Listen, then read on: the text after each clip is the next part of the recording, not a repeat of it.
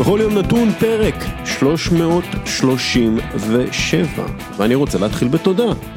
תודה לכם, מאזינים יקרים, ומאזין יקר שנשאר עד הסוף כמובן. התחלנו את הפודקאסט הזה באוקטובר 2016 ומאז צברנו הרבה מאוד האזנות ומאזינים ברחבי העולם. ספוטיפיי אמרו לנו שהאזנתם לנו ב-48 מדינות שונות השנה. 48? אנחנו... מה? מה? מאיפה אתם מאזינים? יש בכלל 48 מדינות? אתם, יש מישהו בג'יבוטי? אה, אנחנו מביאים מדי שבוע ממוצע האזנות לפרק של אה, קבוצת ליגת על בינונית פלוס, ואנחנו לא עוסקים כמעט בספורט ישראלי, אה, ולכן אני ממש רוצה להודות לכם שאתם מאזינים לנו. אנחנו פודקאסט עצמאי, אין לנו תמיכה חיצונית, אנחנו כלואים 100% בכם, ואנחנו במקום טוב. אז תודה, תמשיכו להאזין, תעקבו בפייסבוק, וגם תספרו עלינו. זה תמיד עוזר, אה, איך קוראים לשיווק הזה? מאוזן לפה, או מפה לאוזן, מאוזן לפה זה נראה לי מגעיל. אה, בכל מקרה, אני גם אה, רוצה להודיע על ספונסר חדש לפירוט הפרק, היינו בשנה האחרונה עם לשכת המסחר רודו ישראל, ואנחנו עוברים למשהו מקומי יותר. זה נקרא עסק טעים, וזה זוג חמוד, דנה ורונן, שעושה אה, אוכל מדהים אה, שאתם דרך אגב יכולים להזמין בצ'יק צ'אק דרך הוואטסאפ, אה, אז אם בא לכם בורקס בשר מטורף עם סלט קינוע ועדשים, סלק, תפוחים, הסבי טיבול ופיצוחים, באמת עם פיצוחים, וואו, אה, או עגבניות צלויות על פיתה צלויה ועוד כל מיני דברים כאלה שאני מראייר, God damn it, וסיגר אפוי מבצק פילו במילוי דק קצוץ וירוקים, באמת, אני רעב, באמת שאני מראייר, אה, אז תעקבו אחריהם אה, ותזמינו, ויהיה נהדר. אז זה הספונסר החדש שלנו לפירוט הפרק, עסק טעים. ושוב, אני רוצה להודות לכם, ולכל המאזינים מכל 48 המדינות, אתם חייבים להגיד לנו מאיזה מדינה. כאילו, אמרו לנו בפייסבוק, אה, האזינו מתאילנד, מכל מיני מקומות כאלה, אבל 48 מדינות, בטוח יש מדינה ממש מוזרה. אז uh, תודה לכם, ועכשיו אנחנו עוברים לאסף אקרמן, וכמובן uh, עמית לוינטל. אוקיי, ואחרי האינטרו הזה, אסף אקרמן, ערוץ הספורט. אהלן, מה שלומך? איזה כיף להיות כאן, ונראה לי שהנסיבות הפעם אפילו הרבה יותר משמחות. You are the man of the moment מבחינתי. My team is the, are the men's in the moment, the team in the moment. the man in the moment. ועמית לוינטל. היי היי, כמה שנים אתה כבר בא אלינו אקרמן? שלוש שנים. אפילו אולי יותר, כן. וכל פעם אתה עם בכי על מילאן, לא האמנת שנגיע כל כך מהר למצב הזה. האמת, אני לא חושב שמישהו האמין. באמת, אנחנו עוד מעט נעשה איזה חצי סקירה, אולי קצת עבר והכל. אני לא חושב שמישהו האמין שזה באמת ככה יתחבר, בהתחשב שהכל קרה לפני שמונה חודשים בסך הכל. כן, מרוויחים מהקורונה, מילאן. אנחנו נדבר על מילאן, כפי שהבנתם, אבל לפני הכל, פינת באמיתי בחסות קפה טורקי עילית. ואיזה קפה טוב הכנת לי על הבוקר דסקל. אני כזה. האמת שאירוח תמיד טוב יש כאן בסטרים אלמנטס ובכלל במקום. אה, כן, אנחנו צריכים להודות גם לסטרים אלמנטס שמאפשרים לנו להקליט את הפודקאסט הזה. אה, חברה של ראם, נו מה. כן. טוב, אה, ככה, אז רציתי לשאול אתכם על מילאן, אבל אני, זה קצת קשה להפיל על מילאן, אז הלכתי על משהו אחר. Uh, הנתון הראשון, אין זוכה הונגרי בבלון דאור, בבלון דאור, פרנץ פושקש היה הכי קרוב, מקום שני ב-1960. אז אני חוזר, אין זוכה הונגרי בבלון דאור, פושקש היה הכי קרוב, מקום שני ב-1960. ו... הנתון השני, גרמניה היא המדינה עם הכי הרבה זכיות בבלון דאור והכי הרבה שחקנים שזכו בבלון דאור. אז אני חוזר, גרמניה היא המדינה עם הכי הרבה זכיות בבלון דאור והכי הרבה שחקנים שזכו בבלון דאור. מה באמיתי ומה לא באמיתי בחסות וואו, קשוח. קשוח. כן, אני יודע, אני יודע. באמת קשוח. זה היה אחד, זה היה, זה היה טוב, זה היה טוב. כן. כאילו, אתה יודע, כולם הולכים לקריסטיאנו ולמסי, אני הולך עם קקה, מוסיף את קנבר, או מוסיף עוד קצת אה, אנשים שאני זוכר אותם שזכו בבלון דאו. לא, לא ליגה, לא ליגה. מדינה. מדינה. כן, כן, אה, אני אומר, אבל אנחנו מדברים על הונגרים, אז אני גם על, אה. פה אני לוקח את הנתון הראשון קודם, אני מסתכל עליו. יואו. אני אלך על נתון מספר 2 שהוא נכון. ש- שגרמניה? כן. אוקיי. סתם תחושה אגב, באמת. וואלה. בגלל- אז אני אלך על השני, כי אולי קובלה לקח בתחילת הסיקסטיז או משהו. אה, פושקש לא. רגע. יש לי איזה הונגרים שאני יכול- לחשוב עליו שזכה. אני יכול לחשוב רק על קובלה אולי, אבל גם אני חושב, לא, 60, זה... גרמניה, איך- לגוגל? איך- רגע, גרמניה פשוט, אה, לא, לא מסתדר לי, לא, זה לא מסתדר מתמטית, אז בגלל זה אני הולך על זה, כי הוא הולך להפיל אותנו עם זה. וואלה. יאללה. אוקיי, אתם רוצים את התשובה? כן. אה, פלוריאן אלברט כן. זכה ב-1967. היה שחקן, ההונגרי. כן, היה שחקן גדול, אה, הונגרי, ההונגרי הגדול האחרון, עד אה, דומ, דומיניק אה, סובוסלאי. אגב, בגלל זה, אנחנו, בגלל זה אני שאלתי את השאלה הזאת, אנחנו קצת נדבר עליו, על אה, סובוסלאי. אז שחקן פרנצווארוש, נבחרת הונגריה, מן הסתם, אחד מהגדולים, וזכה בבלון דאור ב-1967, פרנס פושקש אכן הגיע ב-1960 למקום השני, וגרמניה היא המדינה עם הכי הרבה זכיות בבלון דאור, יחד עם הולנד. אה, ופורטוגל, רק שגרמניה היו לה חמישה שחקנים שזכו בבלון דאור והולנד שלושה, ופורטוגל אה, שלושה. אז זכיתי. כן, אתה, אתה המנצח, אבל זה כבר קיבלת את רגע, לא הפס שלך. הבנתי. אלברט לאן הגיע? פלוריאן אלברט. הוא זכה הוא זכה, ב-67. זכה ב-60. אוקיי. הנתון היה שהוא לא זכה. זה נתון היה שהוא לא זכה. שאין כאילו לא היה שלא הונגרי. היה הונגרי, הוא כן זכה. אה, אז התבלבלתי, אמרת שהכי גבוה הגיע פושקה שני. לא, הוא לא זה- אמר. אני, אה, אני פה, הוא טיבל את זה יפה. קיצר, לא הבנתי את השאלה, אז זה טוב שטעיתי, אחרת הייתי פונקציונר. בוקר טוב לבנטל. אה, אז גרמניה שבע זכיות עם חמישה שחקנים, הולנד אה, מי שבע הגרמני זכיות, האחרון. שזכה בבלון דאור? אוליבר כאן, לא? לא, אוליבר כאן לא זכה. אה, אה, הוא היה שני או משהו? אה, מתיאס זמר. אה, זמר אוקיי. ב-97. איזה שחקן היה. כן, היה אחד מהאהובים עליי. אה, לסקוטלנד יש אה, בלון דאור אחד ולצפון אירלנד יש בלון דאור אחד ולליבריה והונגריה. טוב, ליבריה זה קל, ז'ורג' אה, וויה. כן, דנמרק, צ'כוסלובקיה, צ'כיה, שזה שונה. מי הדני שזכה? אה, אה, בסימון, אה, זה, כן, כן, מגלדבך, כן. כן. 77, 8. אה, המועדונים עם הכי הרבה זכיות בבלון דאור, אוקיי. אה, אני יודע, ריאל מדריד ויובה, לא. מה לא? ברצלונה וריאל מדריד.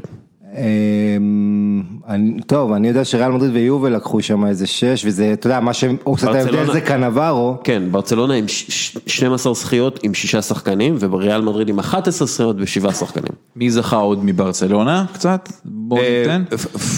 חכה, אני ריבלדו, צריך שזה- קרויף. היה ריבלדו, קרויף, אוקיי. היה את... אה, מסי היה את, אה, כמובן. מסי כמובן. אה, זהו, חוץ מאלה מעניין אותי. בזמנו אולי הלואיס סוארז לואיס הישן. סוארז, וכן, הישן, וגם מה שמו? רונלדיניו לא?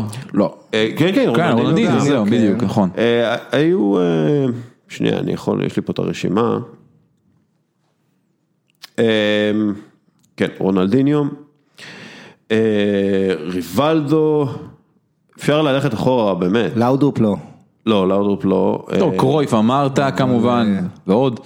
היה, בוא נגיד שהיו להם שנים מטורפות גם במקום הזה. כן, אבל אתה רואה פעם, היו זוכים באמת מצ'כיה ששיחקו בצ'כיה. כאילו פעם זה היה דברים, לואיס סוארז אכן אה, זכה. אה, בהתחלה זה היה שליטה כמעט בלעדית של אה, ריאל מדריד, ובלקפול ווולברהמפטון. כן. סתם, אבל... אה, הכי מבוגר, אתה יודע, בגיל 43 נדמה לי. אז זה היה הראשון, סטנלי מתיוס כן. זה הראשון. אבל אלפרדו די סטפנו, אה, לואיס סוארז, עומר סיבורי, אני הולך סיבורי. 61. אה, אה, קיצר, יש פה- שמות. קווין קיגן יש פה. שמות. קווין קיגן, המבורג אחד מה- מהזוכות הכי גדולות, אה, יוהאן קרויף. לא, יוהאן קרויף זכה כשחקן, כן, גם כשחקן אייקס וגם כשחקן ברצלונה. אז יוהאן קרויף זכה פעמיים פשוט כשחקן ברצלונה. אה, כמה חבל שהתואר הזה לא מחולק השנה. שזה לא מובן לי. לא. אה, לא, חלקו- זה כן מובן, כי חלק מהליגות אה, הפסיקו לשחק, חלק לא. אז. נו, אז. אז אמרו שזה נותן יתרון ללבנדובסקי על אמבפה, כי את הליגה הצרפתית הפסיקו, ואתה יודע, זה זה ההיגיון, עוד פעם, אני לא מסכים עם זה, אבל אני יכול להבין. אה, המשיכו לשחק ברוב העולם, וללבנדובסקי מגיע בלון דור. טוב, אה, זה עד כאן אה, פינת באמיתי, אנחנו נדבר עכשיו על מילאן, שגם כן היו לה כמה זוכים בבלון דור. אה, קקה, ז'ורג'וויה, נכון. אה, מילאן משיגה 23 נקודות בתשעת המשחקים הראשונים, העונה. אה, שימו אדון. שימו אדון אחרי- מאז שבעצם, מאז שמתחילים לספור אה, שלוש נקודות. כן, כן. בעידן אה, שלוש הנקודות. עכשיו, למילאן, לאורך השנים, אה, אה, אני אוהב את זה שיש לה מסורת בלהיות חדשנית. כאילו היא מסורתית, חדשנית. בשנות ה-60 הוביל אותה אה, רוקו. נראה רוקו, כן. נראה רוקו לפסגה של הכדורגל האיטלקי והאירופאי עם כדורגל חדשני בזמנו, בונקר אה, אולטרה הגנתי. אה, אריגו סאקי בשנות ה-80 וה-90 יצר במילאן את, את התבנית לכדורגל המודרני בעצם. שמירה אזורית ולחץ ומשחק מאוד, מה שאנחנו רואים היום מהרבה קבוצות, זה הרבה בגלל סאקי ומילאן של אז.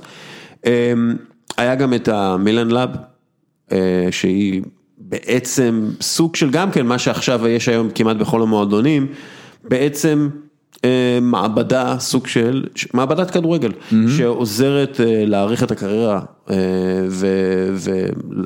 ולהכיל את השחקנים כמו שצריך ולטפל בשחקנים כמו שצריך ולבדוק מה המצב הגופני שלהם וה, והמנטלי שלהם וכל הדברים האלה באמת, וככה הם הצליחו להעריך את הקריירה של, של גדולי השחקנים של המועדון, ואז קרה, אה. קרו הרבה דברים, שינויים גדולים מאוד, שפאולו מלדיני הסביר יפה מאוד, בריאיון שקראתי איתו, בזמנו, הוא אמר, המועדונים האנגלים הושעו מאירופה, וזה היה קל, אם רצית את השחקן הכי טוב בעולם, אפשר היה להחתים אותו. עכשיו, יש תחרות עצומה מגרמניה, צרפת, אנגליה וספרד. ב-2005, מילאן הייתה במקום החמישי בליגת הכסף בדלויט, אוקיי? ליגת הכסף בדלויט מאפשרת לנו לזהות בערך מי הקבוצות הגדולות, mm-hmm. בגלל שבכדורגל מי שטוב מקבל הרבה כסף ומי שפחות טוב מקבל פחות כסף, ככה זה עובד.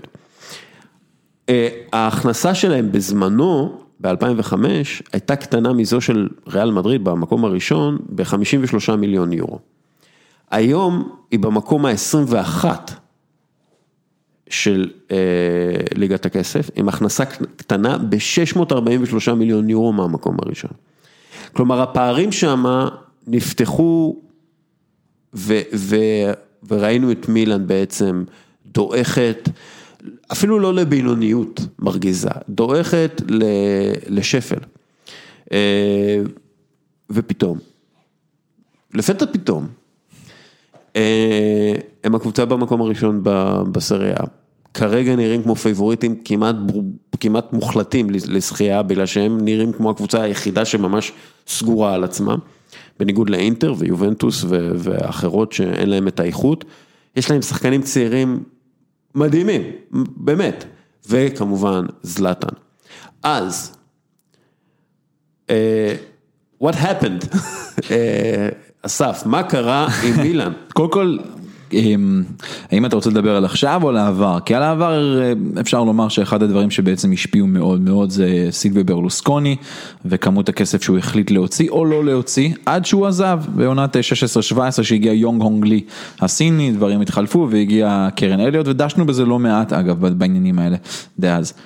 מה שקרה לפני שמונה חודשים כשאיבראימוביץ' הגיע, זהו גרם פשוט למילן להאמין. זה אף אחד לא הפריע לו, זלטן איבראימוביץ' הוא בן אדם שהוא גם אומר, אני לא שותק, אני לא יכול לשתוק, הוא דוחף את כולם קדימה, ואם אני מסכם את כל התקופה האחרונה של מילאן, אני חושב שבתור גם עמית משדר אותה לא מעט, מילאן היום כקבוצה שווה יותר מאשר אם תיקח את סך השחקנים שלה, כי השחקנים שלה בבודדים לא שווה לקבוצה עצמה.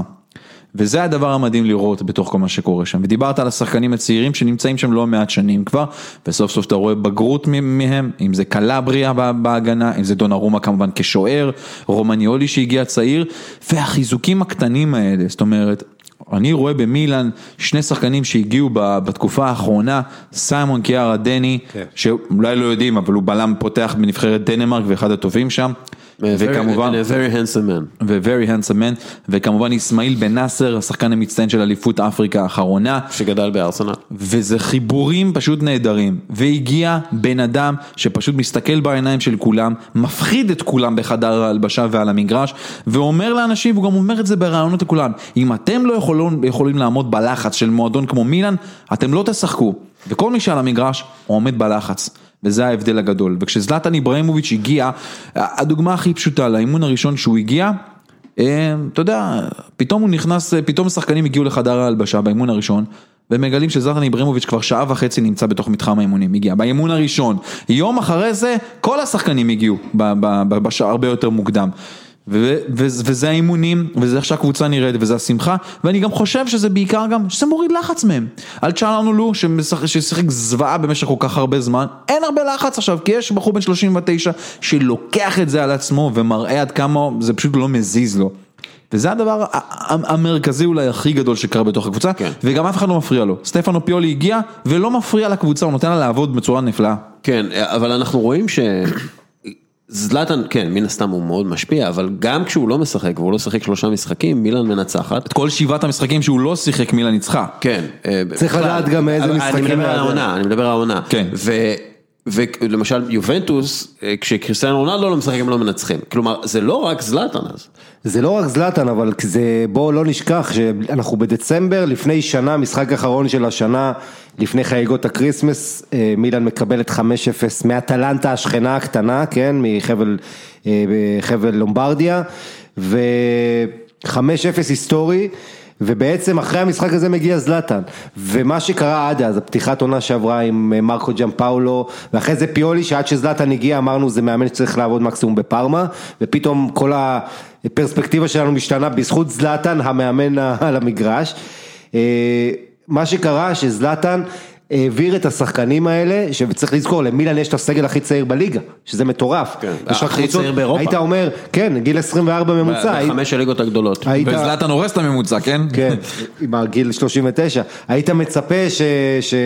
אתה יודע, אם למועדון כזה גדול לא יהיה סגל כל כך צעיר, אבל העניין הוא שזלאטן כל כך עוזר להם, שפתאום הוא גם כשהוא לא משחק, הם, הם כבר יש להם את הביטחון, הם כבר מסתדרים בלעדיו, אה, וזה לא ייאמן איך, אה, אתה יודע, תיקח את רביץ' שלא היה לו אף גול, מגיע זלאטן, מאז הוא נהיה שחקן על. אה, כמובן לאהו, אה, כל השחקנים זה מדהים כמה ההשפעה שלו אדירה, אתה יודע כשזלאטן לפני משחק מול יובה אומר לשחקנים בביטחון כזה, אנחנו הולכים לקרוע אותם, מי אלה בכלל, הוא, אתה יודע, מוביל כדוגמה. עכשיו, אחד הדברים שהתמזל מזלה של מילאן, משחקים שזלאטן היה חסר, זה משחקים שהם מאוד ווינבלס, זה לא נגד יובה בטורינו ולא נגד אינטר בדרבי, זה משחקים שהם כמו פיורנטינה שהיא קבוצה נורא צולעת עכשיו בבית, שזה יותר נוח. אה, אני חושב ש... יש כמה נקודות במגרש שצריך לשים להם את. אתה יודע, את האצבע. תאו הרננדז מהמגנים השמאליים הטובים בליגה האיטלקית ובכלל אה, בינגו.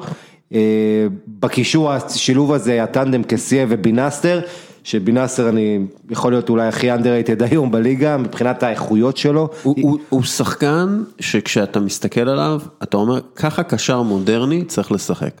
גם היכולת להעביר את הכדור קדימה, אבל גם היכולת לעצור את ההתקפות.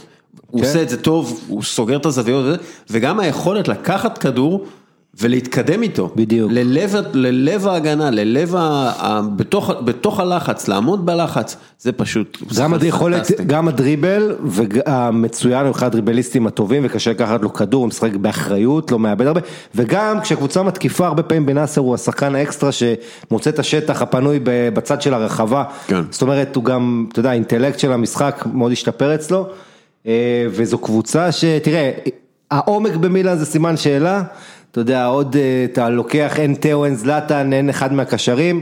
טוב, אתה שואל שאלות, ההגנה צריך להגיד עם כל הכבוד, קר ורומניולי זה אחלה, אבל פתאום משחק גביה זה גם יכול איכשהו קצת להתפרק, פתאום. אנחנו בעונה שהיא בעונה מוזרה, יש הרבה מאוד שינויים, תסתכל כל הקבוצות עוברות שינויים בהרכב, אני לא חושב שיש כמעט מאמן, בואו נקרא מהקבוצות הגדולות שיודע מה ההרכב, מה ה-11 שלו הקבועים, כי אין, אין. אי אפשר. נכון. אבל אנחנו גם, העניין הזה שאין עומק והקבוצה מאוד צעירה, זה בגלל עניינים כספיים.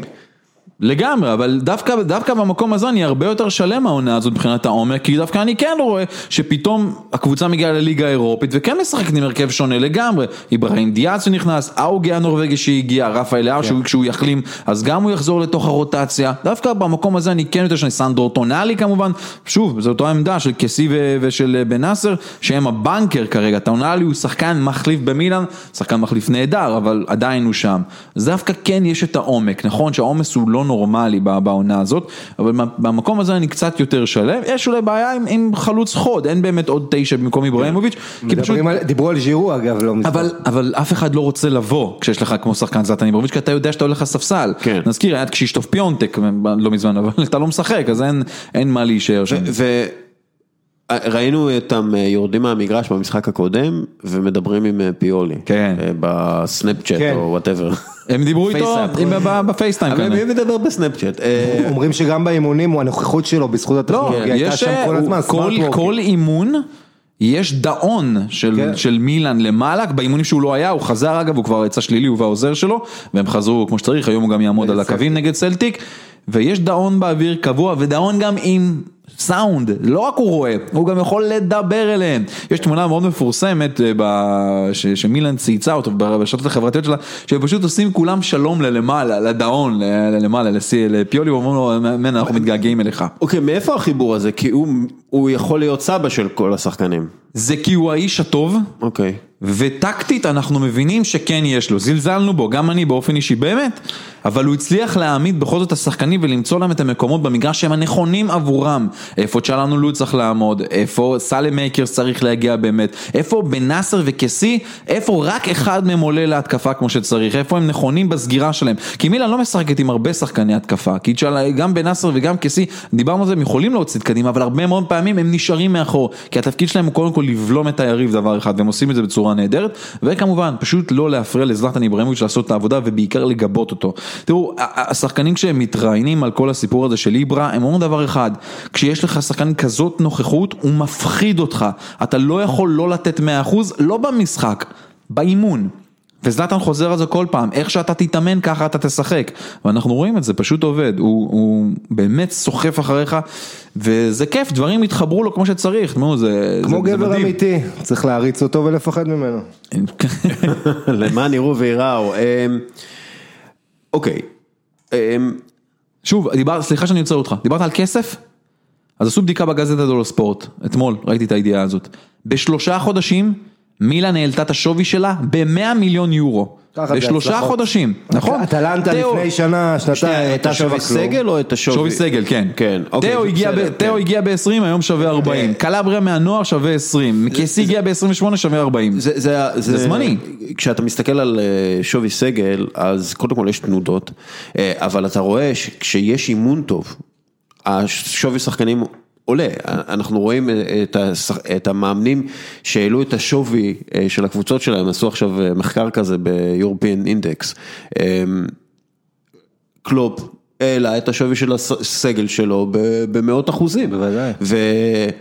ובגלל שהוא יודע לאמן והוא הופך שחקן של עשרה מיליון יורו לשחקן של חמישים מיליון יורו. הבעיה עם קלופי שעכשיו כל מאמן באירופה שלא מצליח אומר גם לקלופ לקח ארבע שנים בשביל להגיע למה שאתה, אז זה אחד השקרים הנפוצים. כן. אה, אטלנטה אבל הכי מרשימה בקטע הזה כי לא רק שמילאן רביעית ואטלנטה חמישית בשווי סגל, אבל אה, ההבדל הוא אטלנטה שאתה מדבר על איזה 400 מיליון והמשכורות שלהם זה בדיחה, כן, הם בחצי התחתון, ב- אז אתה אומר השווי של הסגל לעומת המשכורות זה האנומליה הכי גדולה ב- כן, כן. אטלנטה, אטלנטה באמת קבוצה מאוד מיוחדת, דיברנו עליה פעם, הרבה, אבל עכשיו אנחנו מדברים על מילאן, אני רוצה שנייה לדבר על ההיררכיה החדשה של מילאן.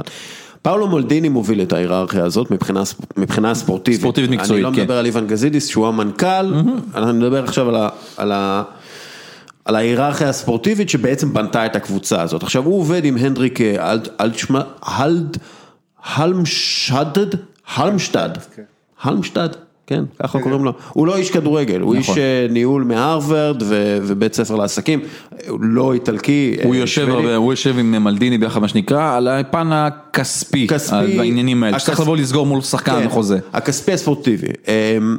והם עובדים יחד עם אה, ריקי מסארה, שהוא המנהל הספורטיבי שמאוד מנוסה בשוק האיטלקי, וג'ופרי מונקדה, שהוא סקאוט בן 33, שהיה במונקו, מקבל הרבה מאוד קרדיט על הבנייה של אה, מונקו. אה, ואתה יודע, הוא, מונקדה, כשמדברים איתו, הוא אומר, המערך של מציאת שחקנים סודי כמו 007, ככה הוא אומר. הם עובדים עם אנליסטים צעירים. אה, בני 20 פלוס, אה, וביחד עם חברת סטאטבאום, שזו חברה אה, אמריקאית אנגלית, שהם עושים ניתוחי כדורגל פנטסטיים, יש להם בלוג ויש להם פודקאסט, הם באמת עושים עבודה מצוינת, אז הם עובדים לא כמו מועדון גדול, כלומר הם לא מחפשים את השחקנים שאולי היו הולכים לאינטר או יובנטוס או מנצ'סטר סיטי או אה, ליברפול, הם מחפשים שחקנים ו- ומחפשים בעצם רכישות כמו, והם אמרו את זה, אטלנטה, לייפציג, אייקס. כי זה ש... כרגע מה שהיא יכולה להרשות לעצמה. כן, ואני חושב שזה בדיוק מה שהם היו צריכים לעשות. כי, כי מילן הייתה תקועה הרבה מאוד זמן בנושן, בתפיסה, איך מתרגמים נושן? אה, תפיסה. אמרת נכון. כן. תפיסה. בתפיסה שהם עדיין מועדון גדול. למרות שהם ירדו למקום 21 בליגת הכסף. אז מה שקרה זה שהם הביאו כל מיני רונלדיניו ואסיאן, זוכר שאסיאן היה אצלכם? היה קקה שהחזירו אותו, כן, היה, אבל היה. גם, לצ... אבל גם לצד קקה, לצד השמות האלה עדיין הגיעו כלומר, מונטוליבו, פציני וקווין קונסטנט, כן? כן? אבל, אבל הם הביאו שחקנים בהרבה מאוד, אה, או בשכר מאוד גבוה. אה, אבל זולים, כלומר שהם לא היו צריכים לרכוש את... לא דמי העברה, כן. כן. הם לא היו צריכים לרכוש את אסיאן או רונלדיניו, הם הביאו אותו בזה. והם כאילו קיוו שבגלל שמילן קבוצה גדולה, הם כאילו יהפכו לגדולים. מעין איזה פייק הופ כזה, מעין אה, אה, חשיבה לא נכונה. ו, וזה דרך אגב, חשיבה שמאפיינת הרבה מועדונים שקורסים. אנחנו עדיין גדולים, אנחנו נביא את השמות הכי גדולים, למרות שהם הם כבר, הם רק שמות גדולים, ואתה כבר, חביבי, אתה... נכון. אז אני חושב שההיררכיה הזאת, ודרך אגב, המון קרדיט לפאולו מלדיני, גם גזידיס נותן אותו, גם כולם, אומרים מלדיני פשוט מוביל את העניינים האלה. וזה תיקון של מלדיני כי הוא גם זה שהביא את ג'אם פאולו בתחילת העונה שעברה. אבל זה הגיע מאותה תפיסה שצריך אה, להיות יותר סמבדוריה ממילן. ואני חושב ש... ש... ש... אני, אני חשבתי שהם צריכים להביא את אה, רלף רגניק, בגלל שרלף רגניק נותן איזושהי, אה, איזושהי תקווה ו, וסדר וארגון, אבל מלדיני עושה את זה. כן, זה, זה, זה האיש שמקבל את כל, הרבה מאוד קרדיט ומגיע לו, אבל שוב, גם הוא התחיל ו... והוא, והוא, והוא עשה טעויות ב, ב, ב, בתחילת הדרך שלו, והוא, ואגב, הוא גם יעשה טעויות, כי הוא לא באמת אה, הרבה מאוד שנים בתוך הענף הזה, אבל מה שכן למלדיני יש, והוא משתמש בזה, הקשרים שלו הם מדהימים. כשמלדיני מרים טלפון לאיגליטרה, היועץ המקצועי, המנהל המקצועי של לאציו, איגליטרה עונה לטלפון וגם משתף. בסודות. כשהוא מרים טלפון לבפה מרוטה, לשעבר כמובן האיש של אינטר היום, לשעבר אה, אצל יובנטוס, הוא עונה לו לטלפון, והוא משתף אותו, הוא מספר לו. וכשמלדיני מרים טלפון לסקאוטים הראשיים, או לאנשי היועץ המקצועי של ליברפול ובאנגליה, הם עונים לו לטלפון והם עוזרים כי לו. כי אתה יודע למה? כי זה fucking פאולו מלדיני. בדיוק, נכון. אגב, תאו הרננדס סיפר, ש... שהוא כאילו תהה אם להגיע למילאן, בכל זאת, אתה יודע, היה בריאל מדריד. Mm-hmm. ו... ו... ופאולו מלדיני התקשר אליו והתחיל לתת לו עצות איך שחקן שהוא מגן שמאלי צריך אה, להתנהל.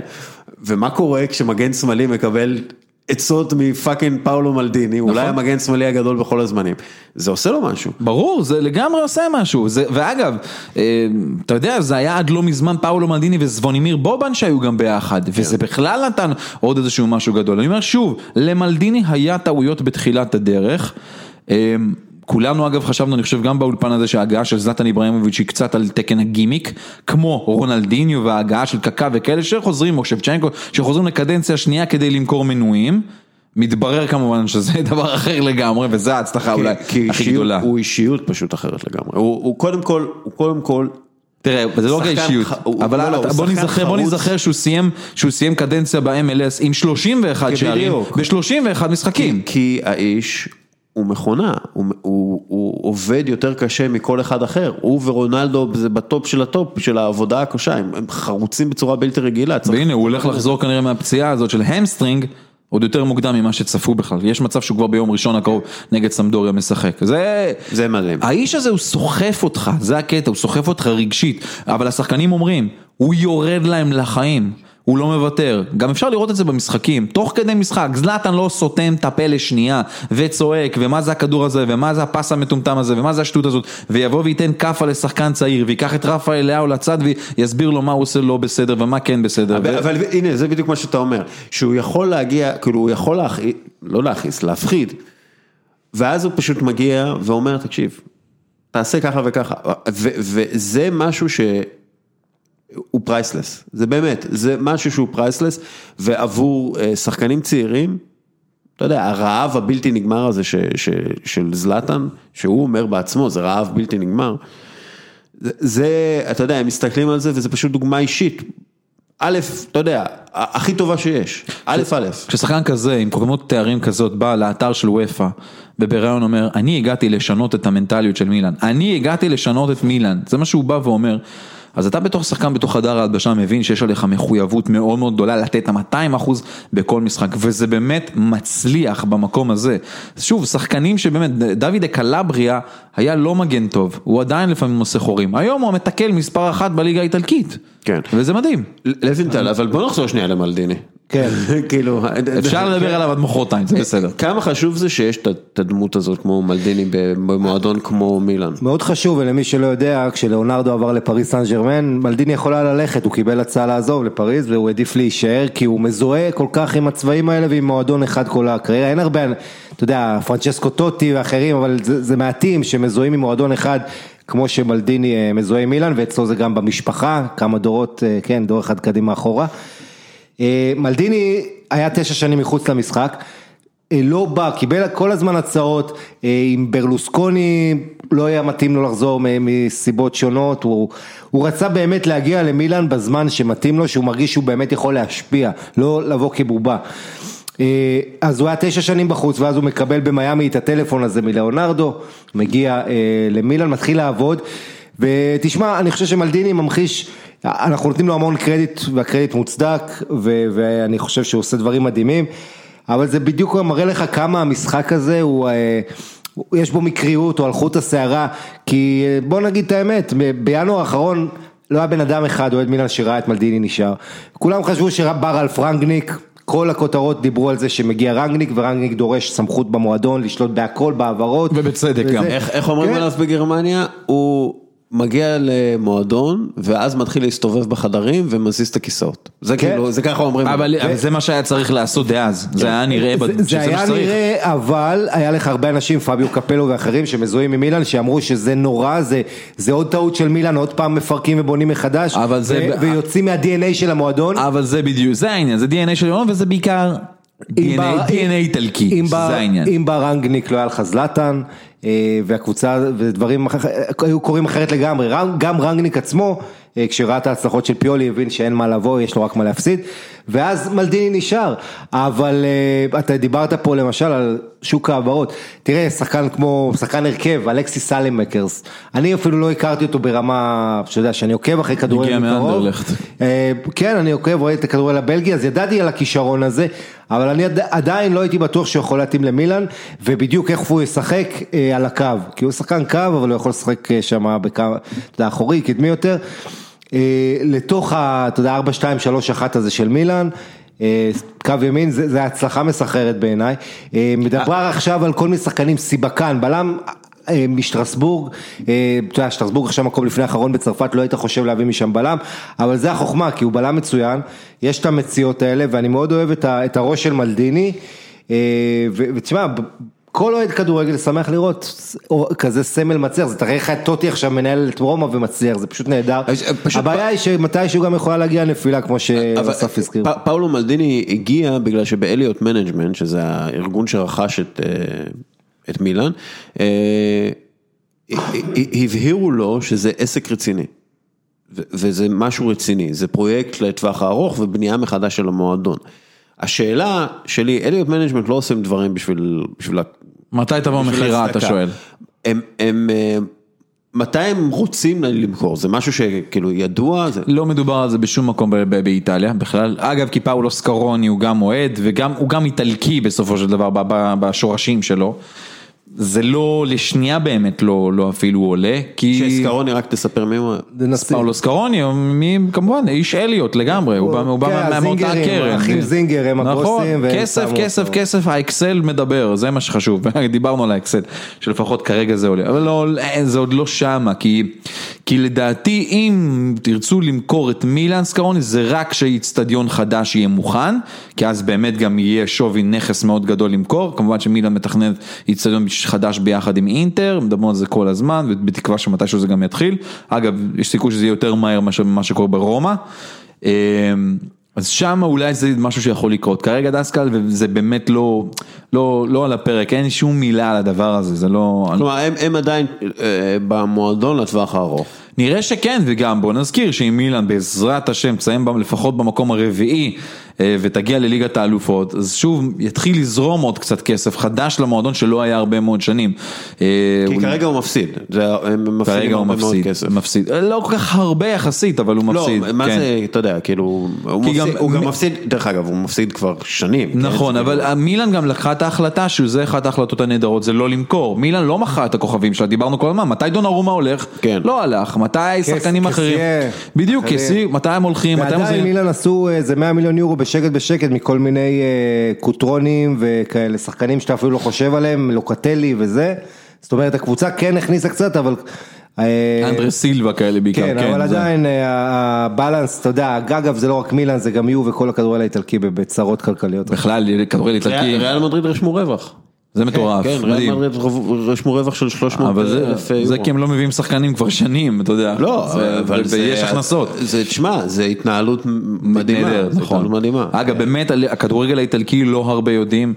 אמ, בקבוצות הכי גדולות, איחורי משכורות בצורה מאוד מאוד נפולי ולאציו מספטמבר לא משלמים. לא משנה, משכורת. נפולי מיולי, שמעתי. כן, מיולי. ולא רק זה, יש פה, אמ, בליג- בליגה האיטלקית יש חוקים מאוד ברורים לגבי הדבר הזה, זה ברמת הורדת נקודות, ויכול להגיע אפילו יותר מזה, ממש הפסקת הדדליין היה פעילות. 1 בדצמבר, אבל בגלל הקורונה, אתה יודע איך זה, זה לא סתם קרה, אז דחו להם את ההתחייבויות הפיסקליות לפנסיה. אבל, אבל אני לא אתפלא אם אנחנו נראה הרבה עזיבות בסריה בינואר. אבל הנה, זה לא קרה גם בקיץ, והייתה קורונה. אוקיי, אבל אבל הקיץ זה אני משהו אגיד לך, אחד. אני מסכים איתך שיכול להיות שיהיו עזיבות, אבל בצד השני צריך מישהו שיקנה, וגם שם, תסתכל על הקבוצות הגדולות, איזה העברה גדולה הייתה בקיץ? כלום. אנגליה. בסדר, אה, אנגליה מה, זה... גם שם, גם שם, לא הייתה. העברה של מעל 100 מיליון הש- השנה הזאת? לא, אה, כלום. האברץ עבר כמעט במאה מיליון. כן, אבל זה צ'לסי זה מקרה ייחודי, לא, צ'לסי מקרה ייחודי, כי זה, אתה יודע, אסור היה להם להביא כן. שנה וחצי שחקנים. לא, אבל היו רכישות, אה, עדיין הקבוצות האנגליות הוציאו כמעט מיליארד. נכון, נכון. אה, אנגליה זה סטרלינג. פלנטה אנגליה, אבל זה באמת משהו קצת אחר. אז אני אומר, עכשיו, אתה יודע, יש, יש אה, עניינים, יש ברקזיט, יש כאלה, הם מביאים שחקנים, אתה יודע, פתאום, סתם, אתה יודע, תיאוריה לא קשור לכלום, אבל דיבלה, יובנטוס חייבת כסף, מנצ'סטר סיטי חייבת איזה מחליף לאגוארו, הופה, פום, פתאום דיבלה מגיע למנצ'סטר סיטי, זה דברים שיכולים לקרות. עכשיו, זה דברים שמתבשלים עכשיו, אין לי ספק. בטח זה- איך שיובי נראית. איך שיובה נראית ואיך שיובה משלמת, אתה יודע, ואיך שחקן- שחקן- שדיבלה לא משחק. ש- שחקן בנפולי, שהוא שחקן מקצוען והוא הוא, רוצה את הכסף שלו, כן? הוא לא משחק שם בשביל בגלל מרדונה, הוא, הוא רוצה לשחק שם, הוא רוצה כאילו לקבל כסף. הוא אומר, "ח- חברים, אני, אסטון וילה יכולה לשלם עליי 25 מיליון יורו, קחו. ונפולי קבוצה שצריכה את הכסף. בדיוק. אגב, נפולי הייתה יכולה לסגור את העסקה של קוליבאלי למנצ'סטר סיטי, אבל היחסים העכורים שם בין בין ההנהלה של סיטי להנהלה בגלל של. נפולי, בגלל ז'ורג'יניו. כן, הייתה, זה זה אחד הדברים שהכריעו. אז, אז הדברים האלה הולכים להשפיע. עכשיו אנחנו רואים גם גם מילאן עם הפסדים גדולים, גם רומא עם הפסדים עצומים, גם אה, כל הקבוצות האמריקאיות. עכשיו האמריקאים, האמריקאיות, פרידקן הבעלים של רומא. כן, אה, האמריקאים לא הגיעו בשביל להפסיד כסף, הם הגיעו בשביל להרוויח כסף. הם, הם, אז אם הם, אם הם רואים, בואנה ההפסדים האלה זה משהו שיתקע אותי לבור לעוד הרבה זמן, הם, ימכרו שחקנים. וגם מילאן. עכשיו, שוב, אני לא חושב שאליוט עכשיו חושבים על פירוק הקבוצה, אני לא אומר את זה, אבל אני אומר, אם הם, אם הם ממשיכים עם ההפסדים האלה, זה לא ימשיך עוד הרבה זמן, כן, אבל, בר... אבל כרגע מילה נמצאת שוב במקום שלוקח אותה לליגת האלופות, זה נכון. אחרת, ואם היא בטעות, בטעות, וזה באמת תהיה בטעות, תיקח אליפות באיטליה, כמות הכסף שתיכנס מהדבר הזה תהיה מאוד מאוד גדולה. אין, אין לי זה ספק. לחזור לליגת אלופות, בוא'נה, מינם לא היו שם הרבה שנים, זה כן, לא... זה, זה, זה, אין, לי, אין לי ספק שההצ... שוב, דיברנו על זה בהתחלה גם, ההצלחה גוררת, הצ- הצלחה מקצועית גוררת הצלחה אה, כלכלית. כלכלית. אבל עדיין, אליוט, כשאנחנו מסתכלים על הקבוצות בבעלות אמריקאית, אם זה ארסנל או מנצ'סטר יונייטד או, אלי, או, או מילאן או רומא או מי שזה לא יהיה, פארמה. פארמה, המטרה בסופו של דבר זה לא אה, מטרה מקצועית גרידא, הם רוצים להרוויח כסף.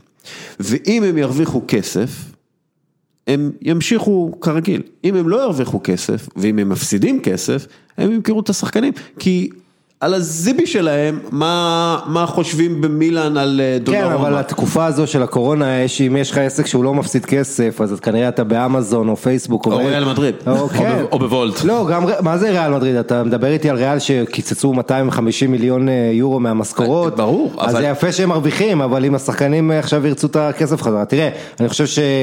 אגב, לפי דעתי הם הגיעו לאיזה סיכום איתם, שהם כן. כאילו מעבירים להם עשרה אחוז לאורך שנים, ואז כאילו זה... כן, זה, זה, אבל עוד פעם, העניין הוא שאנחנו נמצאים בתקופה שאף אחד לא ציפה לה.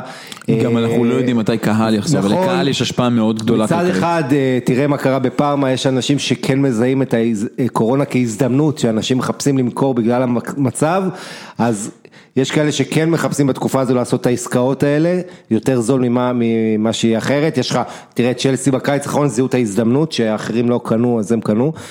מצד שני, כמו שאתה אומר, זה, זה הזמן אם אתה ככה, כמו שבא גל גדול ואתה נכנס מתחת, אז עכשיו אתה, אתה יודע, עוד שנה אני מניח כל מצב הכדורגל יהיה יותר אחרי כבר שיהיו אה, חיסונים ושהעולם קצת יחזור לשפיות והכל. דיברתי עם אה, בעלים של קבוצת כדורסל וכדורגל. ישראלים? או לא, חו"ל? לא, לא אוקיי. ישראלים. אה, והוא אמר לי, אני לא דואג מהעתיד, כי אני יודע שברגע שיהיה חיסונים וברגע שיהיה בדיקות מהירות, אנחנו חוזרים ל- ל- לאצטדיונים, ל- ל- נכון. מהר מאוד. השבוע מתחילים, השבוע כאילו, אני מדבר, שבוע הבא כאילו, כן. אנגליה מתחילים לחסן. נכון. זה עולה, כאילו, אתה זוכר, אמרנו, אלוהים אדירים, לא הולך להיות כדורגל הרבה זמן, חזר הכדורגל ויחזרו מה זה האוהדים חזק? אני יכול להגיד לך, אני אתמול שידר- כן. אתמול שידרתי את קרסנודר הלוואי נגד, שביורו אה, היו יקר. שידרתי כן, קרסנודר נגד אה, רן, קרסנודר כמובן זה ברוסיה, אז אין בעיה, פוטין מרשה קהל, היו עשרת אלפים איש ביציאה, אתה יודע איזה כיף זה? לשמוע קהל באוזניים, תשמעו אני כל כך נהניתי מהדבר הזה, אבל אני אגיד לך עוד משהו, לראות קהל, עזוב את השמיעה, כי את השמיעה כן. כאילו יש לנו, אגב, ראיתי מכבי חיפה ביתר ירושלים, והקהל המזויף כל כך העיק עליי, במיוחד שאתה רואה את הרקע הזה, ואתה שומע, זה נורא. ואתה אומר, זה, כל זה- 2020. ו- זה, זה נשמע כמו רובוט, מה אתם עושים? זה כאילו, בכל המקומות נורא. קורה, כן, כן, לא, אבל כן. זה, זה פשוט, זה הטריף אותי במיוחד, אני- שזה לא הפסיק, זה לא אגב הפסיק. כלכלית, אה, כשדיברנו על מילאן, אם יש קהל בימים האלה, זה 70 אלף איש בסנסירו בכל משחק כן, בית, כן. זה 2 מיליון, 3 מיליון אה, יורו בכל משחק זה- הכנסה. זה השכר החודשי של אה, זלאטן כל... אה, תקשיב, זה- אבל זה באמת נכון, לא, זה המון כסף, זה המון כסף. מאות מיליונים למועדון. אה, אה, כן, ועדיין הקבוצות שמצאו את עצמם בבור גדול מדי, יתקשו לצאת ממנו גם עם קהל, ואני מדבר באמת על רומא, אני לא יודע אם מילאן, אני לא, מילאן הפסידו הרבה כסף, אני חושב שהם יותר יציבים כאילו כלכלית, בגלל אליוט והמטרות הארוכות הטווח שלהם, אבל גם מילאן, גם, גם יובנטוס, גם אינטר. הרבה קבוצות הולכות לסיים את הקורונה, להכניס אוהדים, ואז לגלות שהבור עדיין גדול, בטח. וזה אומר צריך למכור שחקן ב-40 מיליון, ב-50 מיליון, במי אינטר שזה לא. ואינטר, הכי- ואינ- הכי- אינטר גם הוציאה לא מעט כסף, רומולו לוקאקו עלה 83 מיליון, נכון זה לא הגיע בעונה הזאת, זה בעונה שעברה, והגיעו עוד כמה שחקנים, אשרף חקימי שהגיע, זה כסף שהיא הוציאה, אבל דווקא- אבל אינטר היא מאוד מוציאה על חזקה. מאמן אה, פי חמש מכל עשרה מועדון מיליון אחר. יורו הוא מרוויח, אתה יודע אז- באיזה הבדלים, המאמן מתחתיו, שני מיליון מרוויח. כן, אבל זה, זה הבעלים הסינים, ז'אנג, שאני מזכיר לך בסין הרוויחו מהקורונה שכל העולם רק מפסיד. אה, ו... וכן, הם נהנים מזה, מה שכן, הסיפור המעניין באיטליה, לצד ההצלחה של מילאן, זה ההתרסקות של יובה שהופכת ל... אנחנו עכשיו נעבור לדבר על לקבוצה- הקבוצות האחרות וקצת על הליגות. בוא, עוד משהו שאתה, אנחנו כבר חצי שעה על מילאן, עוד איזה משהו שאתה רוצה לסכם איתו את הדיון על מילאן? כן, סגרו מקום רביעי וסגור את הליגה. זה מה שאני רוצה. איזו השאפתנות המילנזית.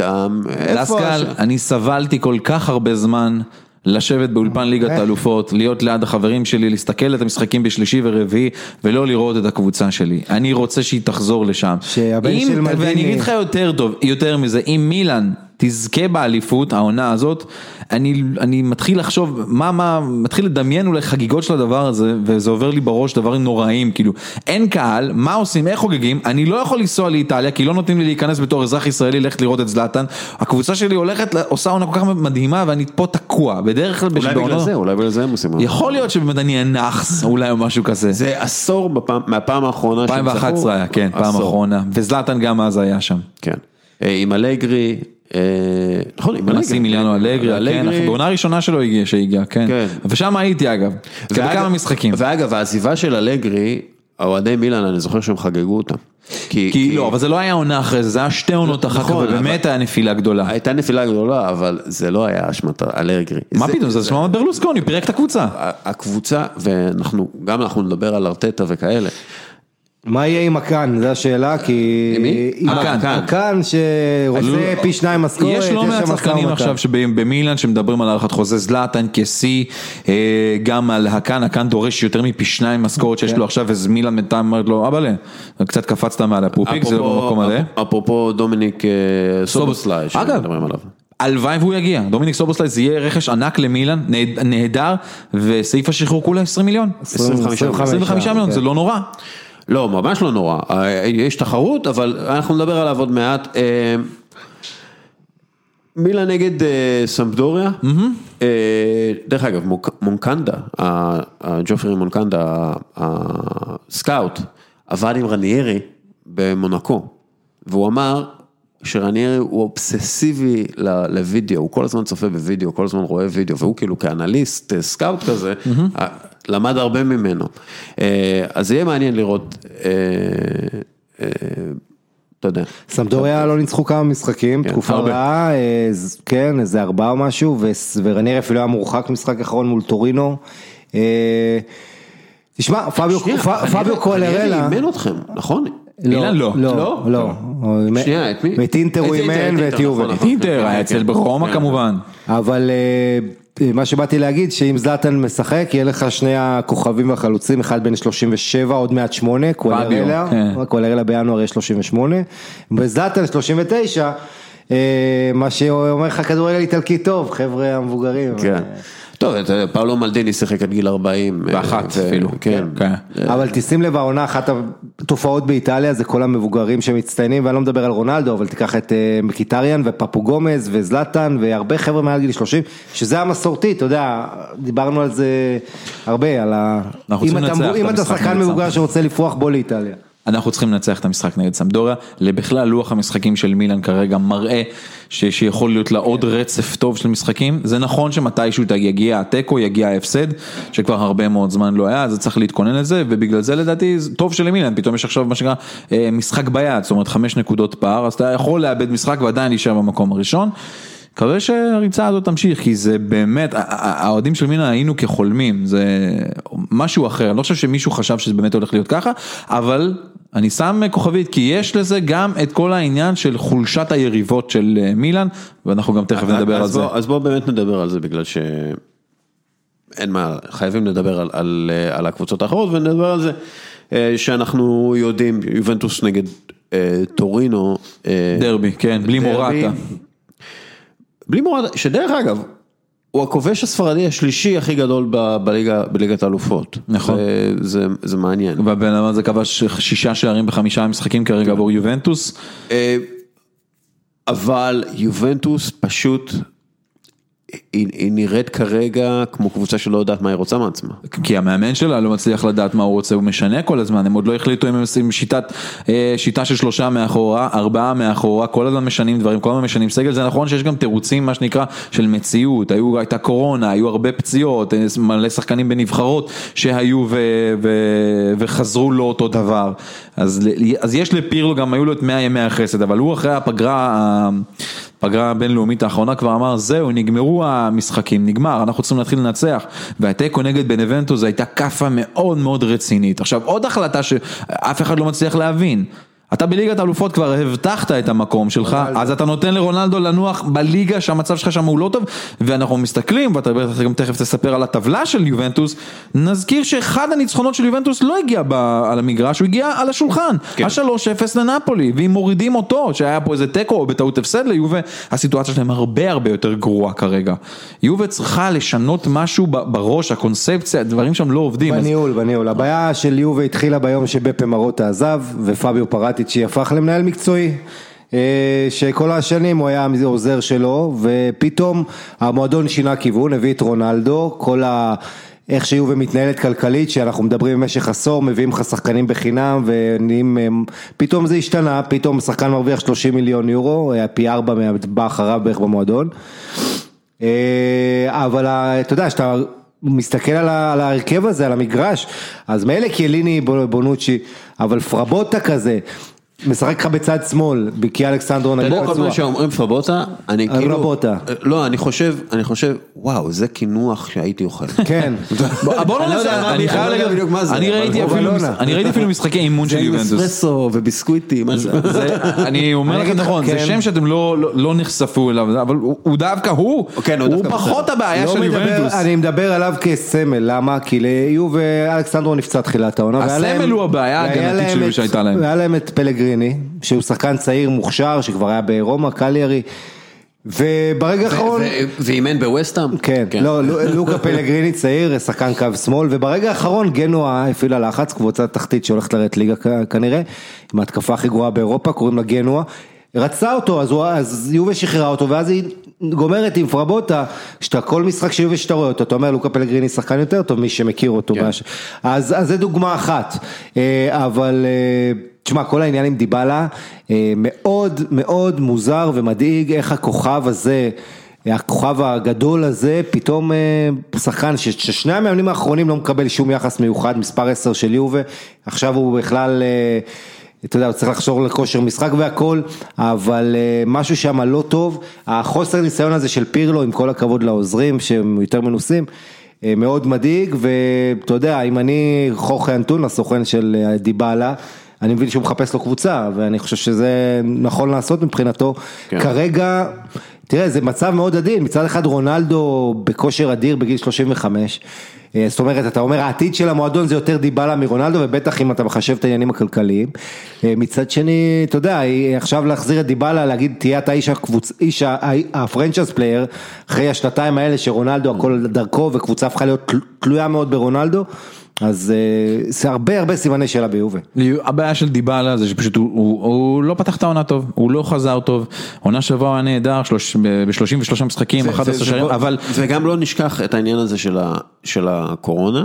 כן, כן. נדבק בזה, ואנחנו לא יודעים. ועוד היה אחר כך עוד, אבל היה עוד אחרי זה. הוא חזר מהקורונה והיה שחקן העונה, אבל הוא חולני, הוא חולה. אבל לא, זה לא רק זה, הוא היה בנבחרת, הוא הלך בחלון הבינלאומי האחרון, הלך לנבחרת ארגנטינה, והיה שבוע שלם במלון, לא יצא מהמלון, הוא היה חולה, הוא היה גמור, לא קורונה, מחלה ויראלית אחרת שתקפה אותו, תקפה לו את הבטן, הוא מאז לא חזר, כן. והוא קיבל הזדמנות עכשיו מאנדריה פירלו, נתן לו את המקום לשחק, הוא פשוט היה לא טוב, בכל המשחקים הוא מקבל את הציונים הכי נמוכים שיש אה, ביובנטוס, אז משהו לא מתחבר, אני לא חושב שיש לו בעיה לשחק במקום קולוסבסקי על העמדה הזאת ביחד עם מורטה וקריסטיאנו רונלדו, ראינו את זה עובד גם. מדאיג אותי גם שפירלו אומר, אין לי פירלו. וארתור למשל, גרוע, לא טוב, הוא לא, ממש לא, זה לא כל כך אירוני שתחת פירלו יש ליובי את הקישור הכי גרוע שהיה לה מאז אני לא יודע כמה שנים, אבל איפה פוגבה, פירלו, אה, אה, וידל, מרקיזיו, כל אלה, והיום כל הרביו, ארתור רמזי, זה מביך, תשמע למועדון כמו יובה אתה רואה את זה ואתה, אני אומר לך יש אוהדי יובה ש... אומרים אולי נגרד top 4 העונה, אתה יודע, יש, יש תחרות, אז אני- אתה מאמין שכן יובה גדולה ואחרי תשע שנים של אליפות אף אחד לא רואה את זה פחות מאליפות או אולי מקום שני, אבל אה, ראינו אימפריות קורסות ככה, ומאוד מאוד מדאיג מה שקורה שם. אתה יודע, זה, זה גם אל תשכח את היחסים האלה בין אניילי לבין פירלו, אה, שהם יחסים קרובים מדי, קצת כמו בין ארטטה לשחקנים של ארסנל, שאתה יודע, אין שם את הדיסטנס שאתה צריך ב- בעמדות האלה, אה, לא נעים לו לפטר פתאום את פירלו או לגרום לו, כי אתה יודע, הוא כמו משפחה, זה לא בריא למועדון. כן, כי מ- מילאן תמיד הייתה יותר משפחתית ויובנטוס תמיד הייתה יותר מפעל, כמו קרה שאלותי מאוד, אמר, כן, נכון, אבל אני לא חושב שתהיה בעיה.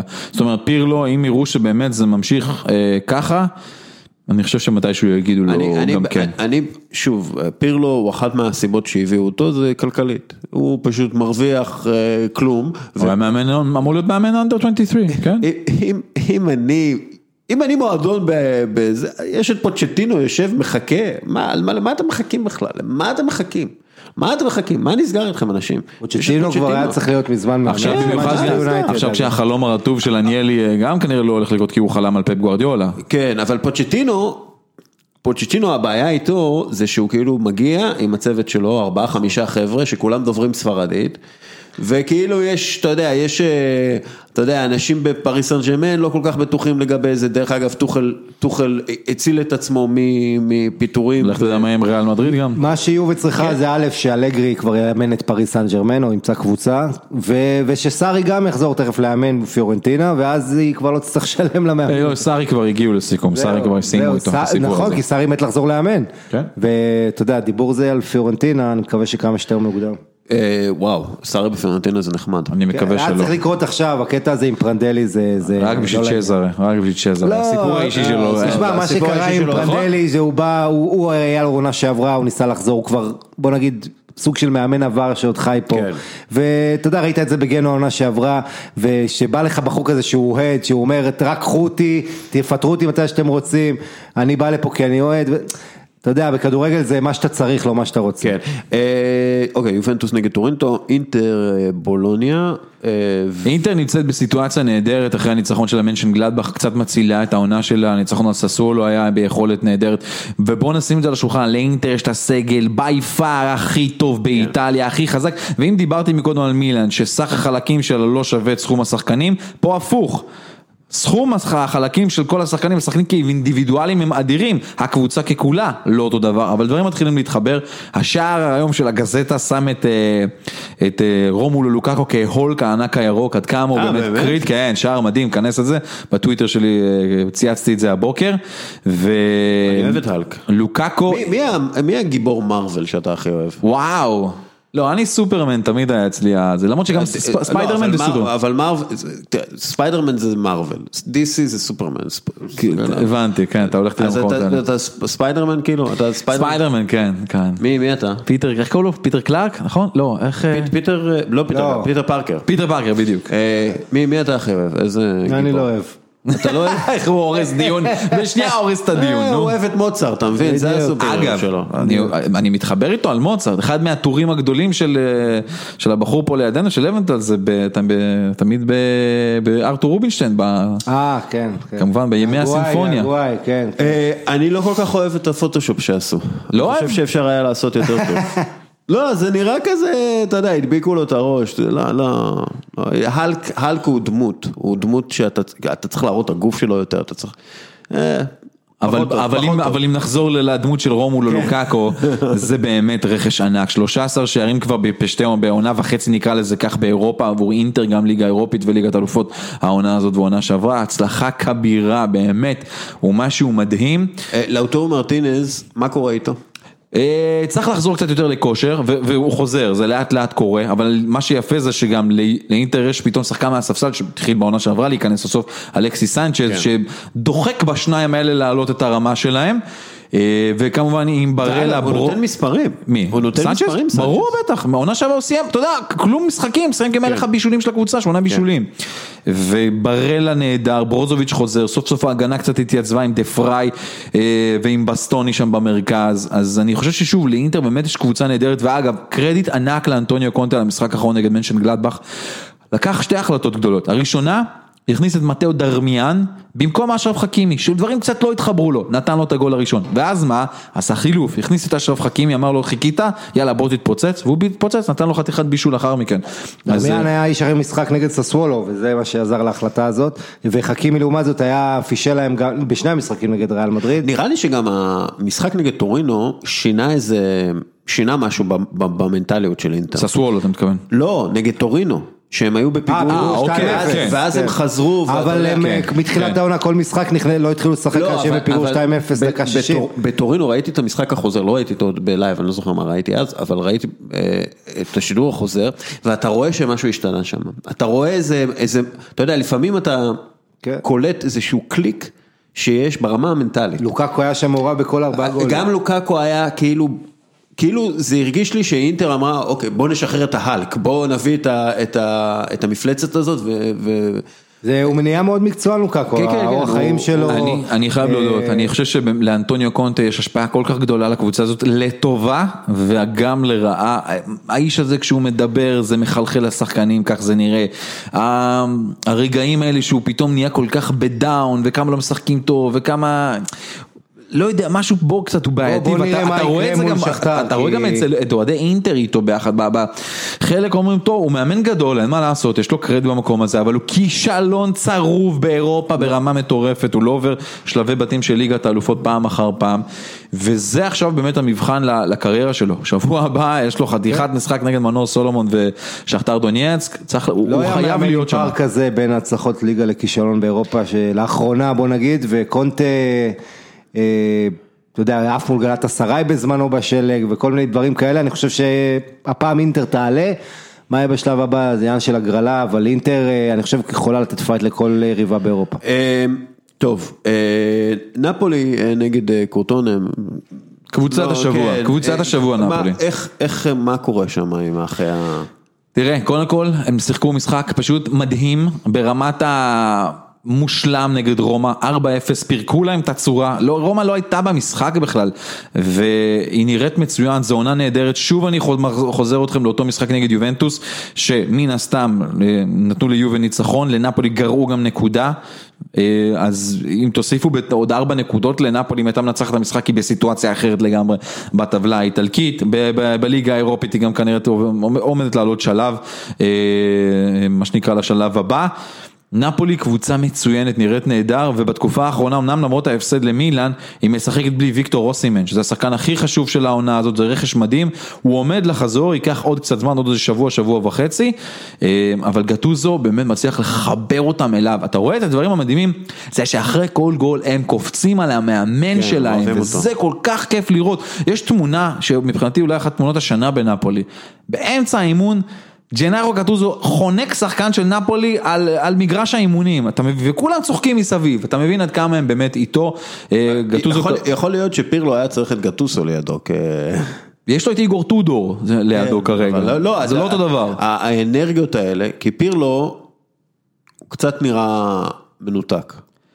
גם על הספסל, אבל גם בכלל באימונים, שאתה רואה תמונות של האימונים או סרטונים שלהם, הוא נראה קצת מנותק, שזה אגב הגיוני, כאילו זה, זה, אבל זה לא אותו מנטליות של נפולי ויובנטוס. בדיוק, אבל גטוסו, כאילו מישהו, אתה יודע, שיהיה רס"ר, שיהיה הסמל הראשון של הקצין. נכון. אה, זה נראה לי שמשהו שהם היו צריכים, אבל... אה, אה, נפולי היא, היא כיפית לראות אותה, כן. ועכשיו גם בכלל כל הסיפור של מרדונה. היא, היא הקבוצה הכי ליפית, הייתי אומר. אפשר, אה, דוגמה אני לא חושב- רעה. אני חושב שגטוסו הוא מאמן underrated באיזשהו מקום, הוא, מאמן טוב. ואם יש מישהו שלומד, זה ג'נאו גטוזו, הוא לומד ברמות מטורפות, מה ממש. שפירלו עובר עכשיו, גטוזו עבר במילאן, כשהיה לו, אתה יודע, בוא נגיד ככה, גטוזו המסלול קריירה הכי שונה מפירלו שיש, פירלו מתחיל בטופ, גטוזו איפה היה באופי כרתים, בסיון, שמה, בכאלה מקומות.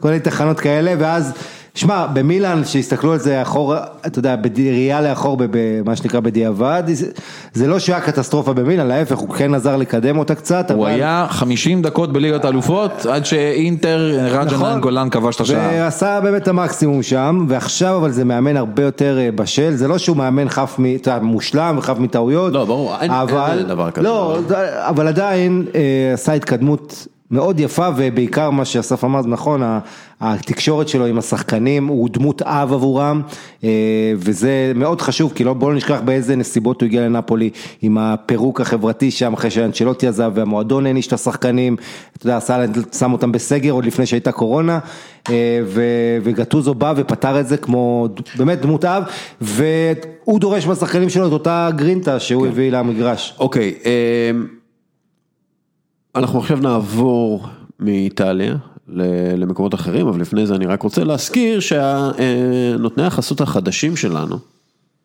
לפירוט הפרק, הם אה, דנה ורונן, שיש להם עסק שנקרא עסק טעים, והם עושים אה, אוכל.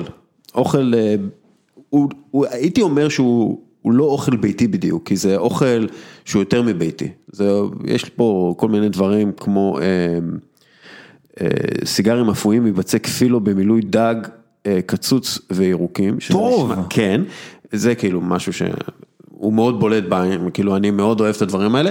אה, אז הם כאילו עושים אוכל ביתי, אבל עם טאץ' אה, רסטורנטי.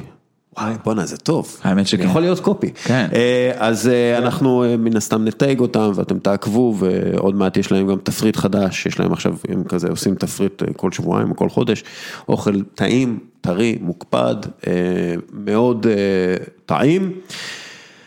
מנור סולומון, בוא נדבר שנייה על מנור סולומון. אני יודע מהסוכן שלו שהחיפוש אחר קבוצה זה כאילו שתיקח אותו הוא, הוא תמידי. כלומר זה גם כשהוא הוא התחיל בשכתר דונייץ ישר התחילו לדבר איתו על קבוצה. בגלל ששכתר דונייץ גם שכתר מבינים את זה זה תחנת מעבר. אה, אם אני מנור אני דוחף לאטלנטה, אני דוחף לאטלנטה, אני ממש רוצה להיות שם, זה גם אה, סוג של אה, קבוצה קלאסית עבור, זה גם, הוא יקבל הרבה נגיעות על הכדור, אבל זה, אבל זה לא מספיק כסף. בדיוק, זה, אבל, אבל זה יותר כסף משכתר, זה, השאלה, השאלה, כי הם בכל זאת בליגת האלופות, ו... אבל הם לא משלמים. זה לא הסכומים. אבל אני איכשהו, כן, אני, אני, אם, אם אני מנור, שוב, אתה, הוא בן 21?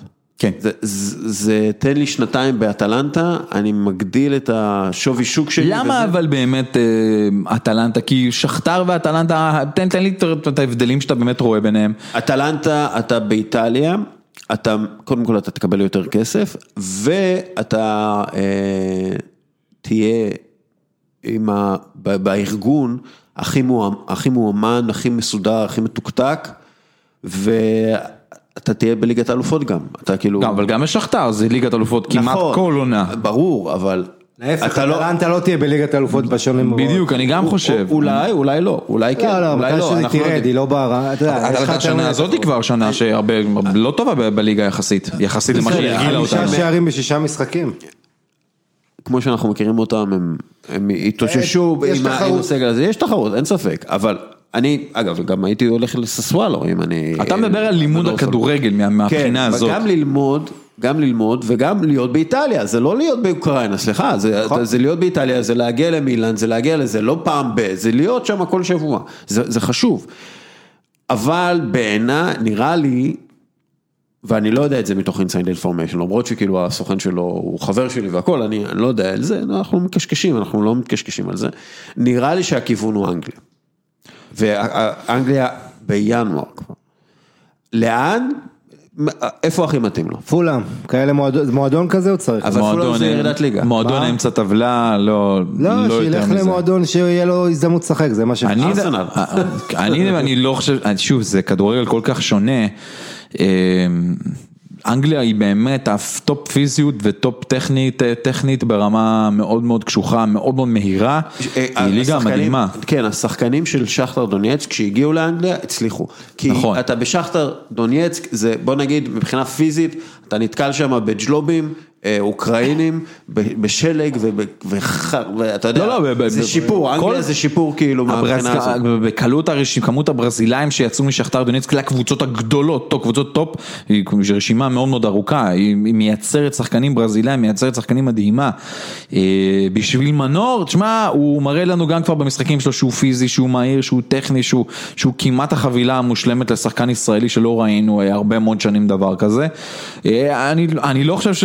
שוב, זה קבוצת אמצע טבלה באנגליה, ואולי קבוצה יותר מאמצע טבלה באיטליה, למקומות האלה, וגם בספרד. ספרד. לא הייתי הולך. ספרד, ספרד אה, שחקנים כמו מנור סובלים. עכשיו, לפחות כן, עכשיו בתקופה אין הזאת. גולים. אין גולים. אין גולים. אין גולים. הייתי הולך סגור. אם מבטיחים לו שאיבת פנדלים. לא, אבל אתה תראה יודע, למשל- מלך השערים שם יש לו חמישה פנדלים משבעה גולים, ואחריו ארבעה פנדלים משישה. תראה למשל שון וייסמן, שון וייסמן הוא היה במקום המושלם עבורו, בגלל שזה היה אה, סגנון משחק שכאילו רק תשים את שון וייסמן שם והוא ייתן גולם. ואז הוא עובר, שוב, בגלל עניינים כספיים ורונלדו רצה אותו וכל זה, למקום הכי הפוך מהמקום שהוא היה בו.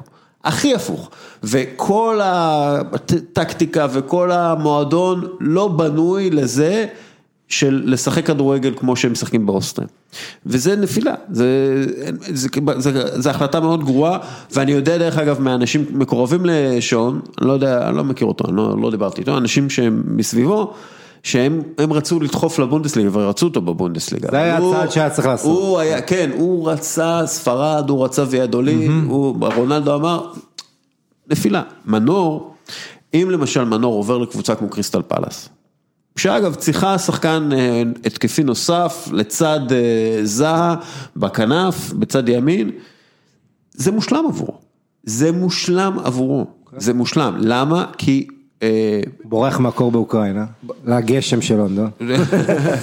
והמקום באוקראינה לזה, זה, זה, זה קריסטל פלאס, גם, גם אה, קריסטל פלאס אני בטוח דרך אגב, שהם הם ישימו לב שיגיעו אוהדים מישראל, הם, הם חושבים ככה, הם בבעלות אמריקאית גם כן, זה מושלם. יש קבוצות ש... אם גם, גם אם יציעו לו הרבה כסף, אסור לו להגיע לשם. אסור לו. אם זה באנגליה או באיטליה. אבל אה, אנחנו צריכים לחשוב על עוד, נתון, מה שכתר רוצה, כי אני לא חושב שבחודש ינואר כבר היא רוצה, תרצה לשחרר אותו, אלא אם כן באמת תבוא הצעה כלכלית מאוד מאוד מפתה. אה, 12 מיליון יורו, בין 12 ל-20 מיליון היה. דיבורים על רומא אם אתם זוכרים כן. גם. כן, זה היה- אבל רומא- רומא זה מקום- רומא זה בעיה, כי יש לה מלא שחקנים בסגנון הזה, אבל אה, ניוקאסל גם אפשרות. ניוקאסל לא קונה שחקנים. נכון, אבל... אה, אבל ניוקאסל, איך קוראים לצרפתי? אה, סן- מקסימן. סן- מקסימן, כן, זה יכול להיות מגניב. מנור, אבל אה, למשל על מירון. על מירון אה, חצי דרך בחוץ כזה נראה. נכון. אבל באמת, אתה יודע, מנור בעיניי, הוא אה, הוא יכול אבל להצליח בהרבה מקומות, כי יש לו את כל הכלים שאתה רוצה בכדורגלן אה, אה, צעיר אה, ומודרני. כי הוא, כי הוא, שוב, הוא, קודם כל הוא ילד טוב. הוא ילד טוב שעובד, הוא קואוצ'בול. ראית אותו עולה מהספסל, בלי פרצופים, בלי פוזות, מקצוען, באמת מקצוען. מה, אתה רואה את הגול שלו? הגול שלו זה חתיכת גול. ותקשיב, נשבע לכם, ברגע שראיתי שהוא התחיל את הכדרור, ידעתי שהולך להיות שער. ידעתי שהוא הולך לבשל או לתת גול. זה פשוט היה כל כך, זה דברים שאתה קולט, אחרי הרבה שנים של כדורגל, אתה רואה את התחלת כדרור, לפי דעתי הוא נגע בכדור חמש, שש פעמים. חמש, שש פעמים, וכל כל נגיעה מושלמת. ואז הוא, מגיע ואתה רואה שהוא יודע בדיוק מה הוא רוצה לעשות, כמו שהוא עשה נגד מקטומני. הוא פשוט ידע איך הוא שובר את הרגליים למי שזה יהיה, את, הקרסוליים, למי שזה יהיה מולו, וייתן את הבעיטה. זה היה, זה היה מושלם, והוא הוא חייב, המעבר הבא חייב להיות למקום שייתן לו לשחק. אני הכי רוצה שהוא יגיע לבונדסליגה, אה, הוא מזכיר לי קצת את ריאן פרייזר, אתה זוכר אותו, היה בבורנמות' וזה, אה, ב- בשחקן קטן, זריז ואיכותי, אה, אני חושב שבונדסליגה זה ליגה שיכולה להיות לו הכי טובה. ובבונדסליגה יש לו הרבה קבוצות האמת שיכול להגיע אליהן. כן, יש, אמצע אה, טבלה פלוס, יכול להיות הרבה הרבה וזה מקומות. גם משפר אותו מאוד כשחקן, אה, אגב, אני לא- גם יהיו לו שטחים, מה שהוא צריך. בוא נגיד שעכשיו אמרת בונדסליגה, שוב, אין לי שום, אני לא יודע שום דבר, כן? למשל, דורטמונד, שסנצ'ו כנראה יעזוב בשנה הבאה, להביא את ready made replacement מה שנקרא, כמו מנור, דורטמונד הוא מושלם. דור, הוא, הוא מושלם. טוב, אה, אנחנו עוד אה, נראה, אני חושב שהוא יעבור בחורף, אני מקווה בשבילו שהוא יעבור בחורף, ובוא... אה, אני בעד שילך לוולפסבורג. אני בעד שילך לליגה האיטלקית, זה בסדר, יהיה כיף. פולקס. וול- וולס- וולסבורג, וולסבורג זה, אני לא מאחל את זה לאף אחד, זה מקום, זה עיר מומצאת. אה, עיר מומצאת של המשטר ההוא, של- כן, של הנאצים. נכון. אה, עיר- שהנאצים המציאו, זה לא מקום מושלם למנור סולומון, עם כל הכבוד. טוב, אה, בגרמניה זה ככה הרבה דברים כאלה, אין מה לעשות. אוקיי. אם כבר אנחנו כבר בשוק ההעברות, כי אנחנו מתחממים לקראת זה, אה, שחקן שמילן מעוניין בו, ודיברנו עליו מקודם, הזכרנו, דומיניק אה, סובוסליי, שבעיניי, כן, קודם כל, אני מכיר אותו מגיל 16 בערך, אני עוקב אחריו, כי הוא משחק בנבחרת כבר בגילאים האלה.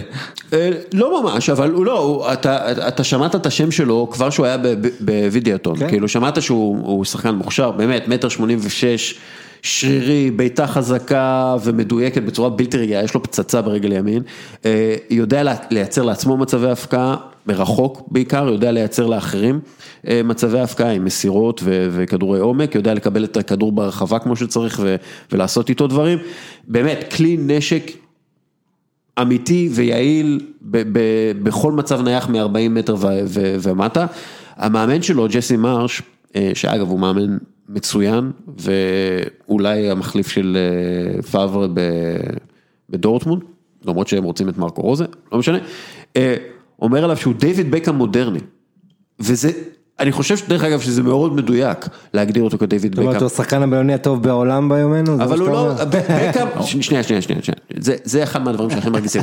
בקאם אף פעם לא היה בינוני, בקאם היה שחקן פנטסטי, לוחם על, שאתה יודע, ש- ההגבהות, המסירות הארוכות, היו לו כמה תכונות עזוב, שהוא היה בקאם- בטופ, בטופ, עזוב, אם בקאם היום, אם בקאם שחקן היום, אז מדברים עליו כמו טרנט אלכסנדר ארנולד. עזוב, זה שחקן, די, זה אחד, היה שחקן מהשחקן- מה- מהטובים בעולם. טוב. הוא הולך איתך, ל- פשוט אה, הדברים מחוץ למגרש תפסו אצלו הרבה כותרות גם כן. אז זהו, אז גם אה, סובוסליי יש לו את כל הוואסך של כוכב, אתה יודע, עם הקעקועים והתסרוקת והוא חתיך, הוא... אה, לרונל- בקיצר, לרונלדו אין אף קעקוע, בגלל זה אני אוהב אותו יותר. כן, ו- אגב, הוא בן 20 עם מספרים, באמת, אל אליי, איזה מספרים, אה, 25 שערים ו-33 בישולים ב-78 משחקים בבוגרים.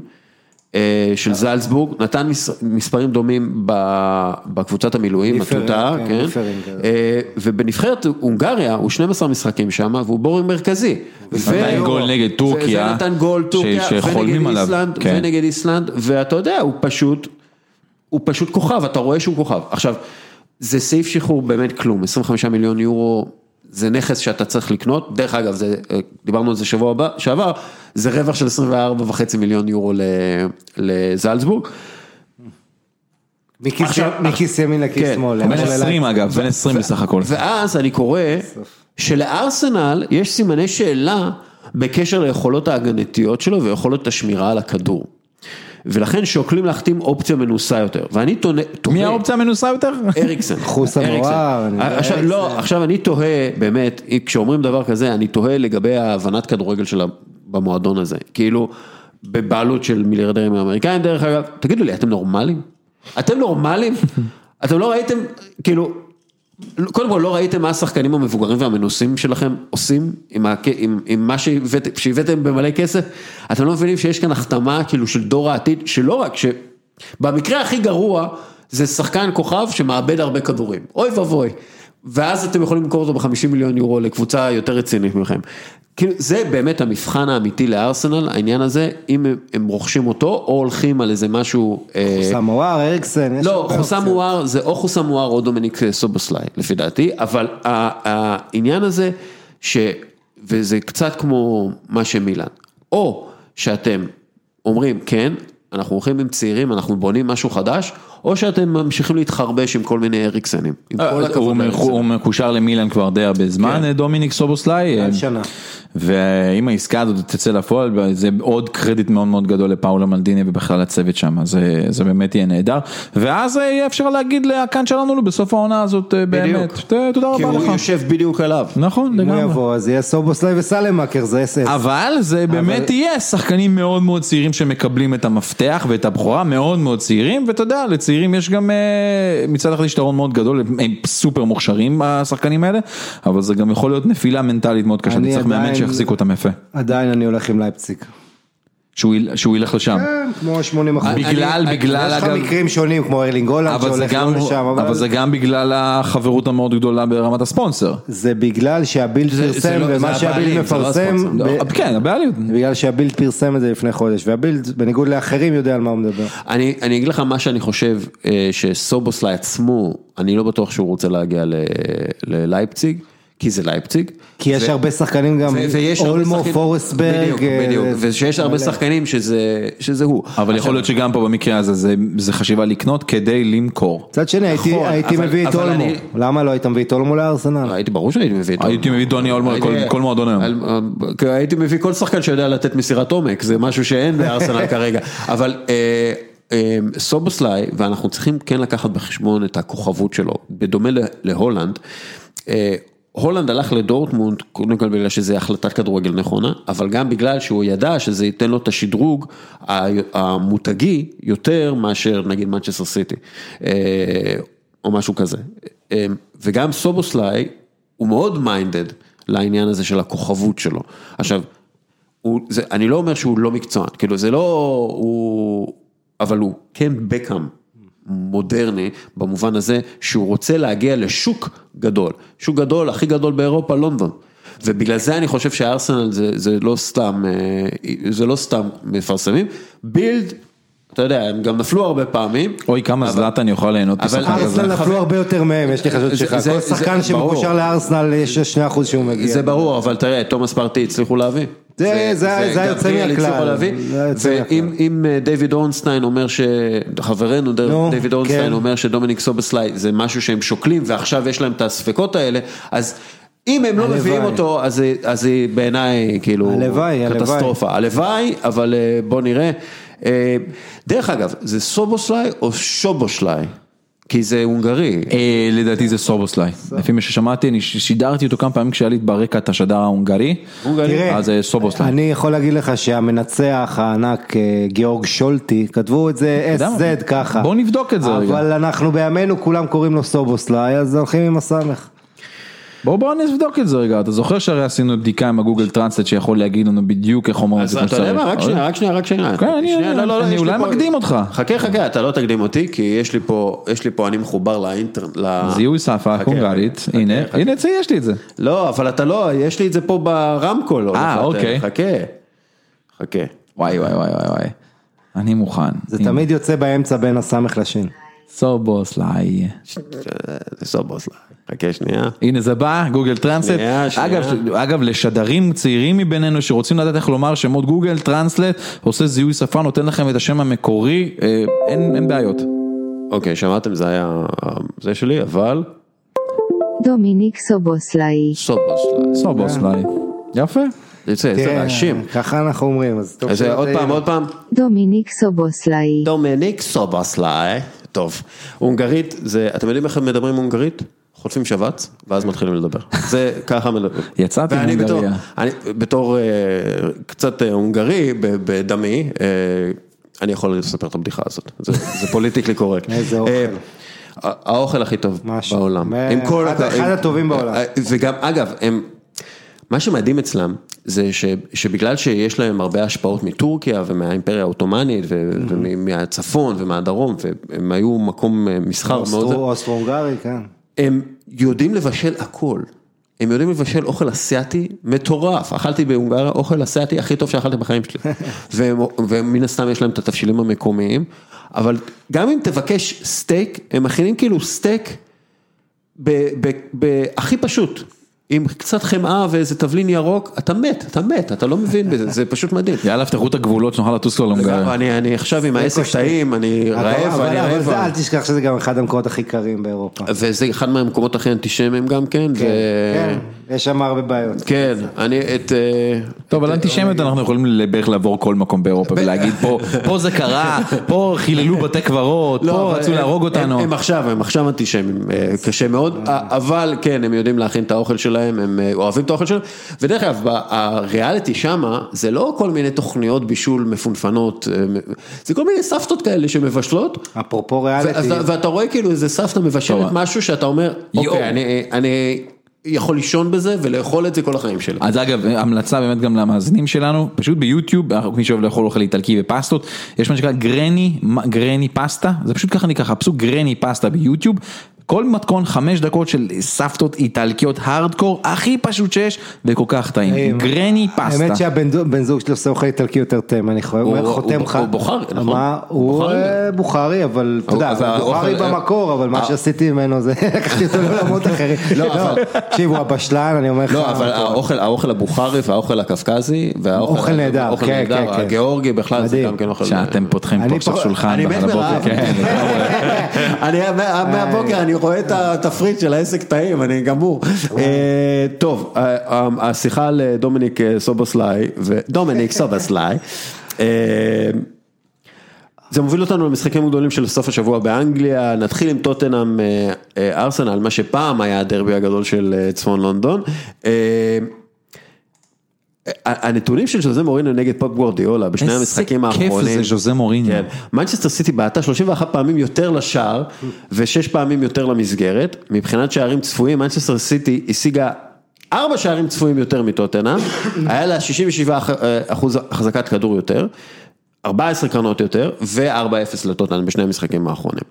עכשיו, ז'וזה מוריניו בעצמו אומר, אנחנו אפילו לא במרוץ לאליפות, שזה, אני לא יודע כמה זה טוב, הוא אומר, "אה, אנחנו לא סוס במרוץ הזה, אנחנו פוני, פוני קטן. עכשיו, דרך אגב, ב-2014 הוא גם כן אמר, המרוץ בין שני סוסים, מנצ'סטר סיטי וארסנל, ואנחנו סוס קטן שצריך חלב וללמוד איך לקפוץ. משהו, יש לו איזה קטע עם סוסים. אה, לא, כי זה two horse race. כן, כן, אבל הוא כאילו, אתה יודע, הוא, אני לא, אני לא מבין את ההמתה, אני, אני לא מבין למה הוא ממעיט מערכה של טוטנאם, אני הוא חושב פשוט, שזה פגע... אבל הוא הוא תמיד אה, היה הוא אוהב את. האנדרדוג, הוא אוהב את העמדה הזאת, הוא לא, ממש הוא אוהב את המקום הזה. מה? אבל נגד ארסנל עכשיו, אתה, מאז אתה שאני- חייב להיות גדול. אבל זה לבוא, אבל המסר הוא לא, אתה יודע, המסר הוא לא מסר תקשורתי, המסר הוא לחדר ההלבשה. תמיד תחשוב מה מוניריניו אומר בחדר ההלבשה לשחקנים שלו. זה, זה המקום הזה, ואנחנו זוכרים, ראינו את הסדרה עכשיו על טוטנאם לאחרונה. נפלא, כל כך כיף לראות את הדבר הזה. זה גם מה שהוא אמר להם שם, אתם חייבים לבוא מלמטה, הם רוצים לדפוק אתכם. הם יודעים שיש לו כרטיס צהוב, הם יחפשו אתכם, כל אתה האלה. עושה חיקוי של מוריניו? כן, ולא מעט פעמים שאני... יודעים. הם לא מעט פעמים שה... מפקד, השמן הזה רוצה להרביץ לי. בעוונותיי, אני יושב כשיש קצת זמן ורואה רעיונות של ז'וזה מוריניו, תמיד, זה כל כך כיף.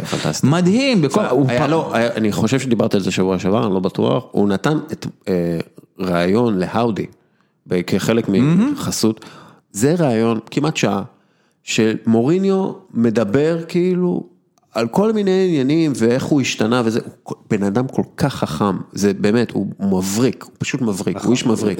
ומה יותר מזה, הוא פשוט סוחף אותך. הוא סוחף, יש לו. כריזמה- יש לו כריזמה ויש כמה את הסיפור, תשמע, הסיפור הרי על בלוטלי של פדרו פינטו ל-CNN, כל כן, הסיפור, כן. שכולם מכירים אותו כמעט. זה אתה יכול לראות את זה מיליארד פעם, וכל פעם מחדש אתה רואה כמה הוא storyteller כל כך אדיר. תשמע, הוא נכנס, לח... הייתי בכמה מסיבות עיתונאים שלו, כשהוא נכנס למסיבת עיתונאים, זה, זה, אין מאמן כזה, אין מאמנים כאלה. נכון. קוראים לזה הצגה. אולי קלופ, אולי קלופ. אני לא הייתי אף פעם במסיבת עיתונאים של קלופ, אבל אני מתאר לעצמי שזה אותו דבר. הוא נכנס ו... אתה יודע, הוא בחור קטן, הוא לא איש גדול, אבל הוא נכנס והוא פתאום הבן אדם הכי גדול בחדר בחדר. הוא פשוט הבן אדם הכי גדול. עכשיו, אתה לא יכול להסביר את זה, אתה יודע, אני תמיד מחפש את הזווית המדעית, ו... פשוט כריזמה, פשוט איש כריזמטי בטירוף, ו... ואני מפחד כאוהד ארסנל. איך הוא הסתכן? וואו. הוא הסתכן, אבל הוא לא הסתכן רע. לא, לא רע, אבל אה, פתאום השיער הזה, אבל. הוא הזדקן והוא נהיה קשיש חכם, זה מה שאתה רואה מה שקורה שנהיה ממנו, זה פשוט. תראה, היו הרבה כתבות באנגליה בשבוע האחרון על ה- בעצם מה קרה עם אוריניו, שכבר הספדנו אותו, אמרנו הוא נשאר מאחור, מיושן, איך אנחנו מסבירים את זה שהוא עכשיו פתאום עוד פעם חוזר למאבקי אליפות ועוד פעם קרנו עולה וכל זה. אז אה, אתה יודע, הרבה זלזלו.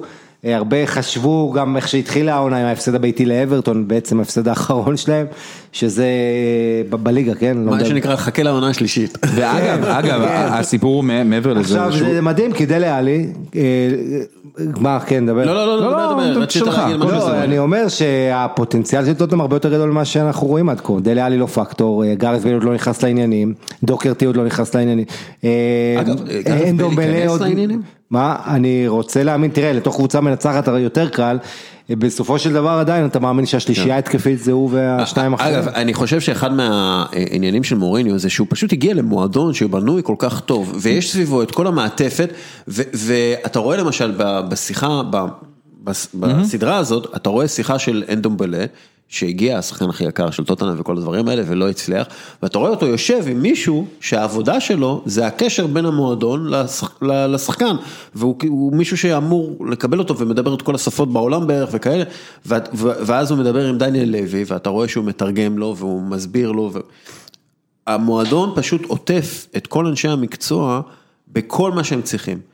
ואני לא בטוח שמוריניו קיבל את זה במנצ'סטר יונייטד, כי אנחנו יודעים שמנצ'סטר יונייטד כרגע זה מועדון אה, במעבר, או לא יודע, מועדון ננזח על ידי הבעלים האמריקאים, או מה שזה לא יהיה, אבל טוטנאם פשוט מועדון טוב, אם אני- מועדון שיודע מה לעשות עם הכישרונות שהוא מביא. אם אני יכול לסכם אותך, אני פשוט יכול לומר, ובמחשבה הזאת, זה שז'וסה מוריניו קצת שדרג את מה שפוצ'טינו בנה שם.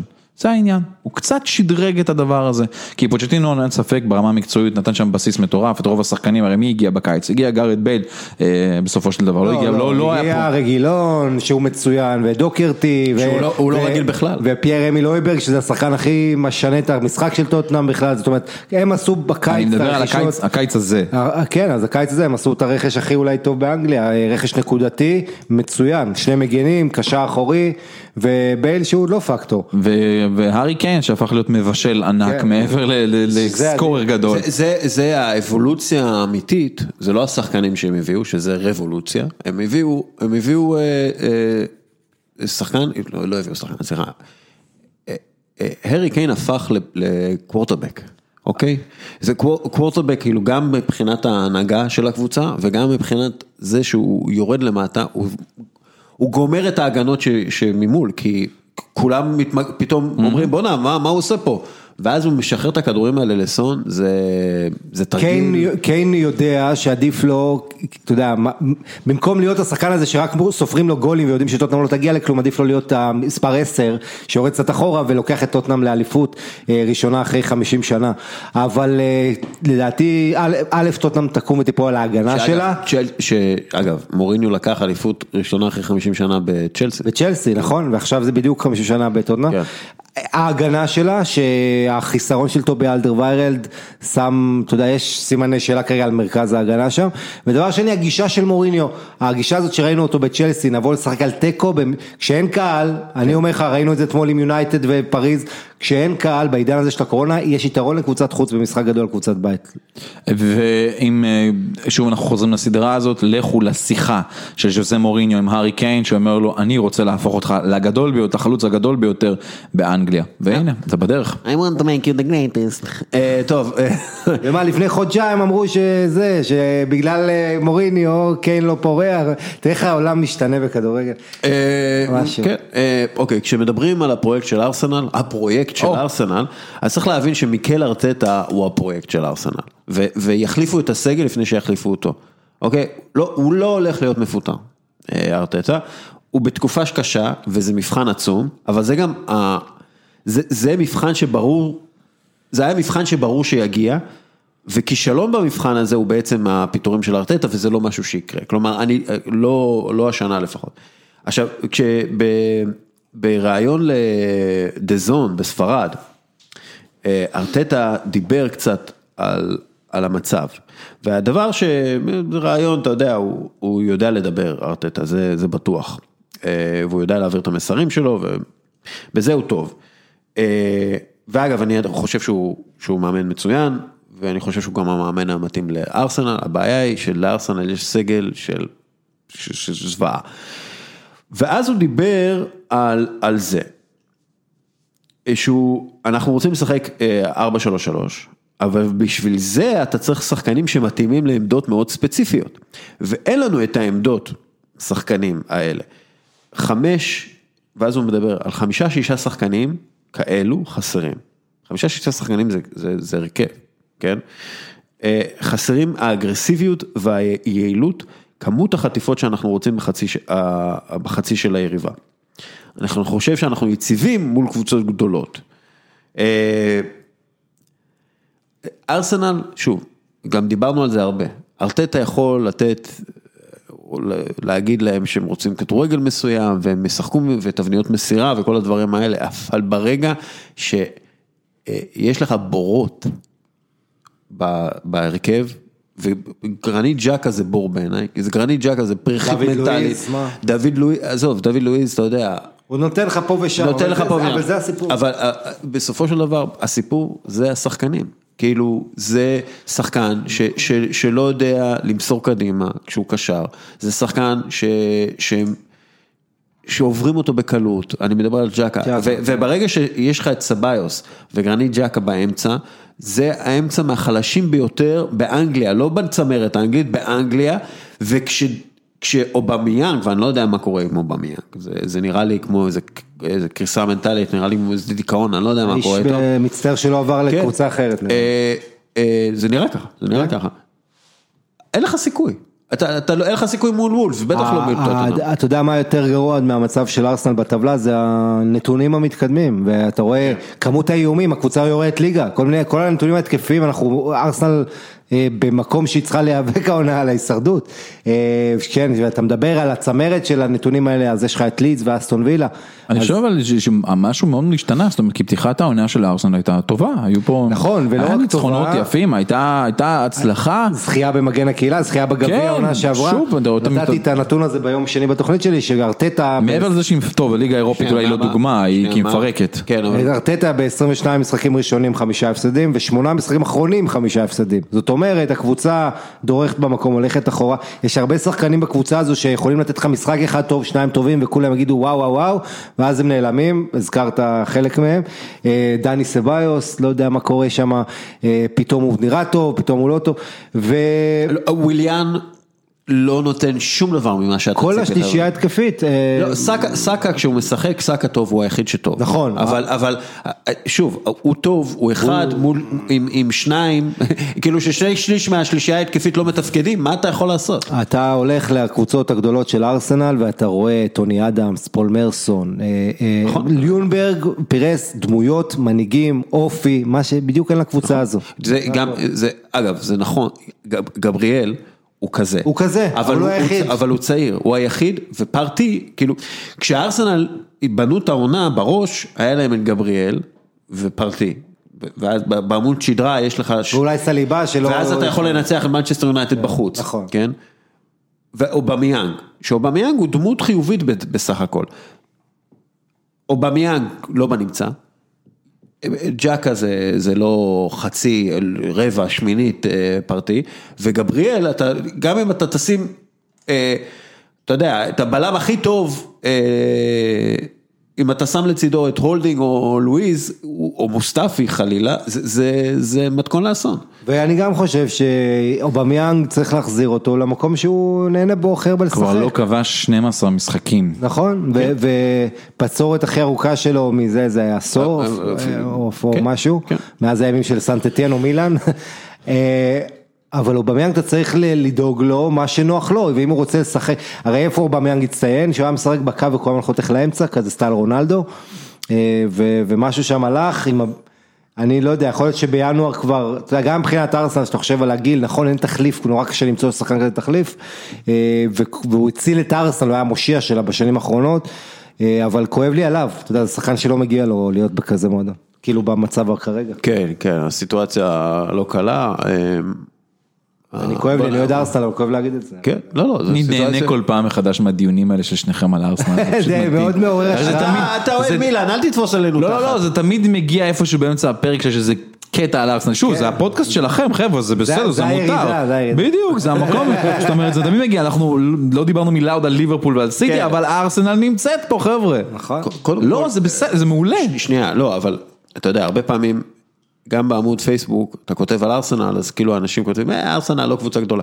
על מה אתם מדברים? ארסנל זה הקבוצה השלישית הכי גדולה באנגליה, אחרי מנצ'סטר יונייטד וליברפול, כאילו גם מספרים אומרים את זה, מספר האוהדים שיש להם נכון. בארץ ובכלל, זה מועדון ענק, ובגלל, ובגלל ש... אגב, כמו שאנחנו מדברים על מילאן, כשמילאן הייתה ב...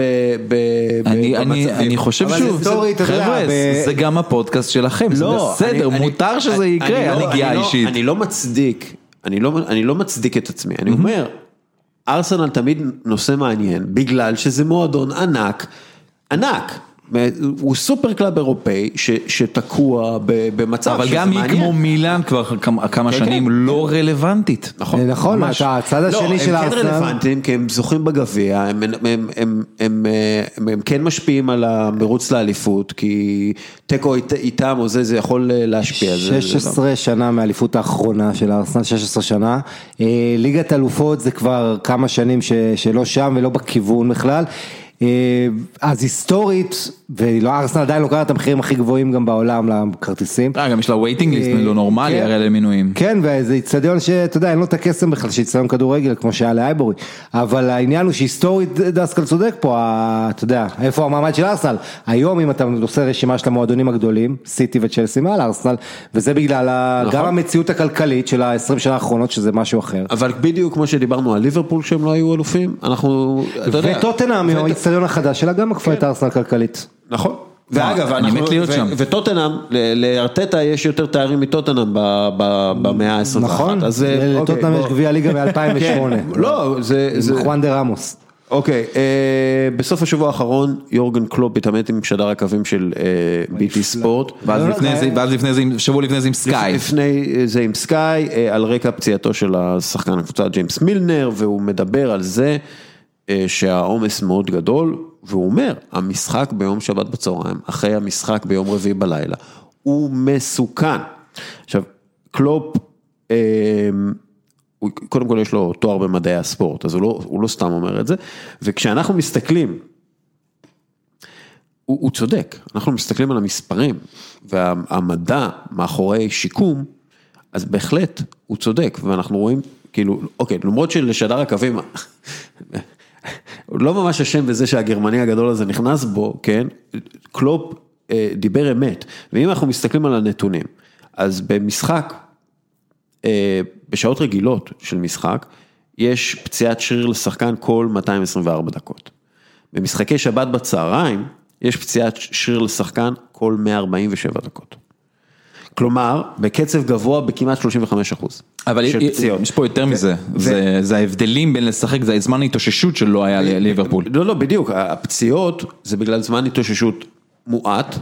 ו... חלק, ו- לא כולם. לא. הפציעה של ונדייק זה לא קשור, לא, אבל ברור, הפציעות של. מילנר שאתה מדבר עליה, אני מדבר, נכון. רוב הפציעות, פציעות אגב. גם, גם פציעות טראומטיות מושפעות מעייפות וזה, אבל זה, זה כבר, עזוב.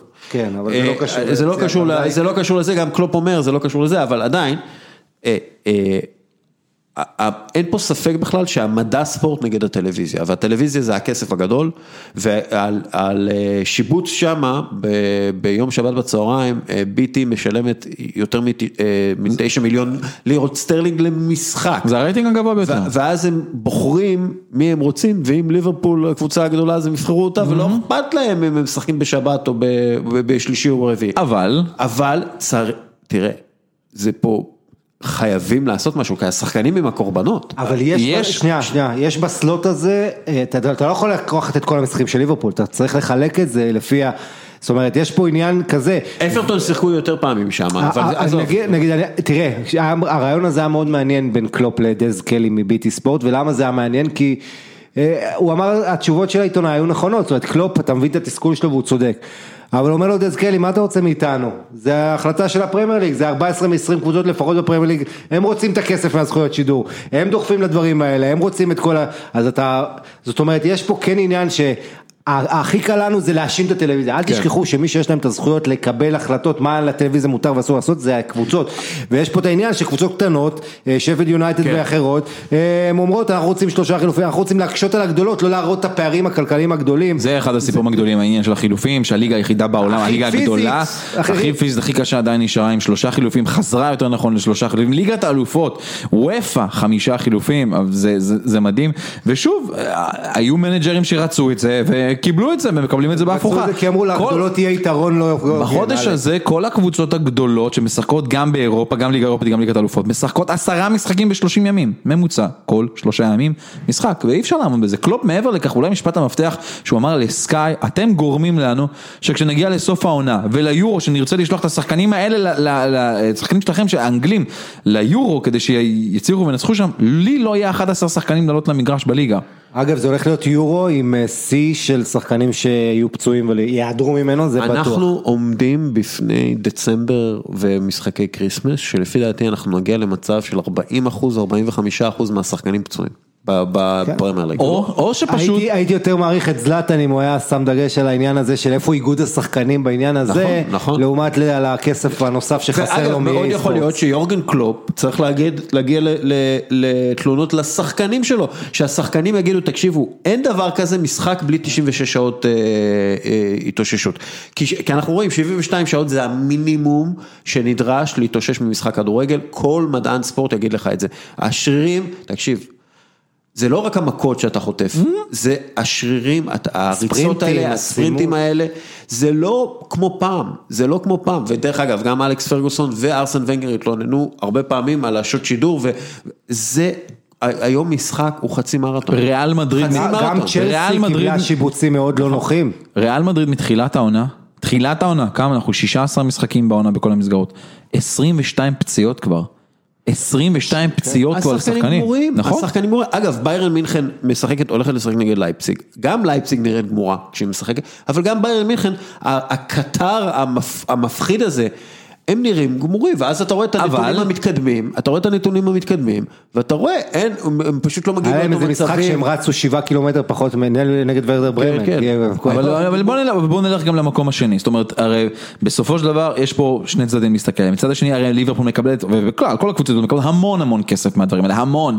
זה אז תעשו-. סגלים יותר ארוכים. מה לעשות, סגלים של 24 שחקנים, שהם יהיו שווים כמעט להרכב הראשון ברמת היכולת. כמו זה בפוטבול נכון, זה אמריקאי. קשור. אה, 56 כן, אבל- שחקנים. אבל זה לא, זה בלתי אפשרי, זה בלתי אפשרי, ויותר מזה, אתה גם פוגע באיכות, קודם כל, אין דבר כזה קבוצה עם 24 שחקנים שכולם שווים, זה לא, נכון. זה לא קיים. עכשיו, אתה פוגע באיכות של המוצר, גם פרנק למפרד אמר את זה, אתה פוגע באיכות של המוצר, כי אם אתה, אה, במקום טרנט אלכסנדר ארנולד, אתה משחק עם אה, ניקו וויליאמס, שהוא אחלה, הוא חמוד. אבל אם אתה משחק איתו במקום טרנט אלכסנדר ארנולד, אתה מוריד את האיכות של הקבוצה, אין מה לעשות. הוא רוצה עכשיו איזושהי אנלוגיה, זאת אומרת, קח עכשיו אתה, היום אלכסנדר צ'פרין וראשי וופא. היום אתה כועס ברמות משוגעות על, על ברצלונה, כועס עליה. כבר שני משחקים שליאונל מסי נמצא על הספסל, לא משחק בכלל. ו- ולמה שלא? נכון. בצדק. למה שלא? זה משחקים לא חשובים. אה, אה, לא, מסכים עם ההחלטה של רונלד קומן במאה אחוזים ברמה הזאת, אבל זה הרגע מה שדיברת. זה בדיוק כמו ב-NBA, שכעסו על קוואי לנארד שהוא עשה load management. ואז הוא הגיע לפלייאוף, הוא שיחק את כל המשחקים, כל הדקות בכל המשחקים בערך, כן. ולקח אליפות. ו- ואני אומר, מה... רק 60 משחקים בעונה הרגילה של 82 משחקים הם באמת חשובים. אז למה שהוא ישחק את המשחקים הלא חשובים האלה? נכון. כאילו, זה, זה, זה, אתם, אתם לא יכולים קודם כל אה, אה, לאכול אבל- את העוגה ולהשאיר אותה שלמה. זה, זה, השחקנים האלה, הם, הם מוציאים יותר אנרגיה ו, והם עומדים בפני יותר סכנה. קווין דה בריינה דיבר על זה. סכנה של פציעות. בגלל האנרגיות וה... יש פה הרבה אינטרסים, וה- אבל- והמהירות של המשחק. אז מי ינצח- אינטרסים. יודע, אנשים בסוף. רוצים להפעיל עליו לחץ, להכשיל אותו, שהוא לא יזכה, אז עושים את זה.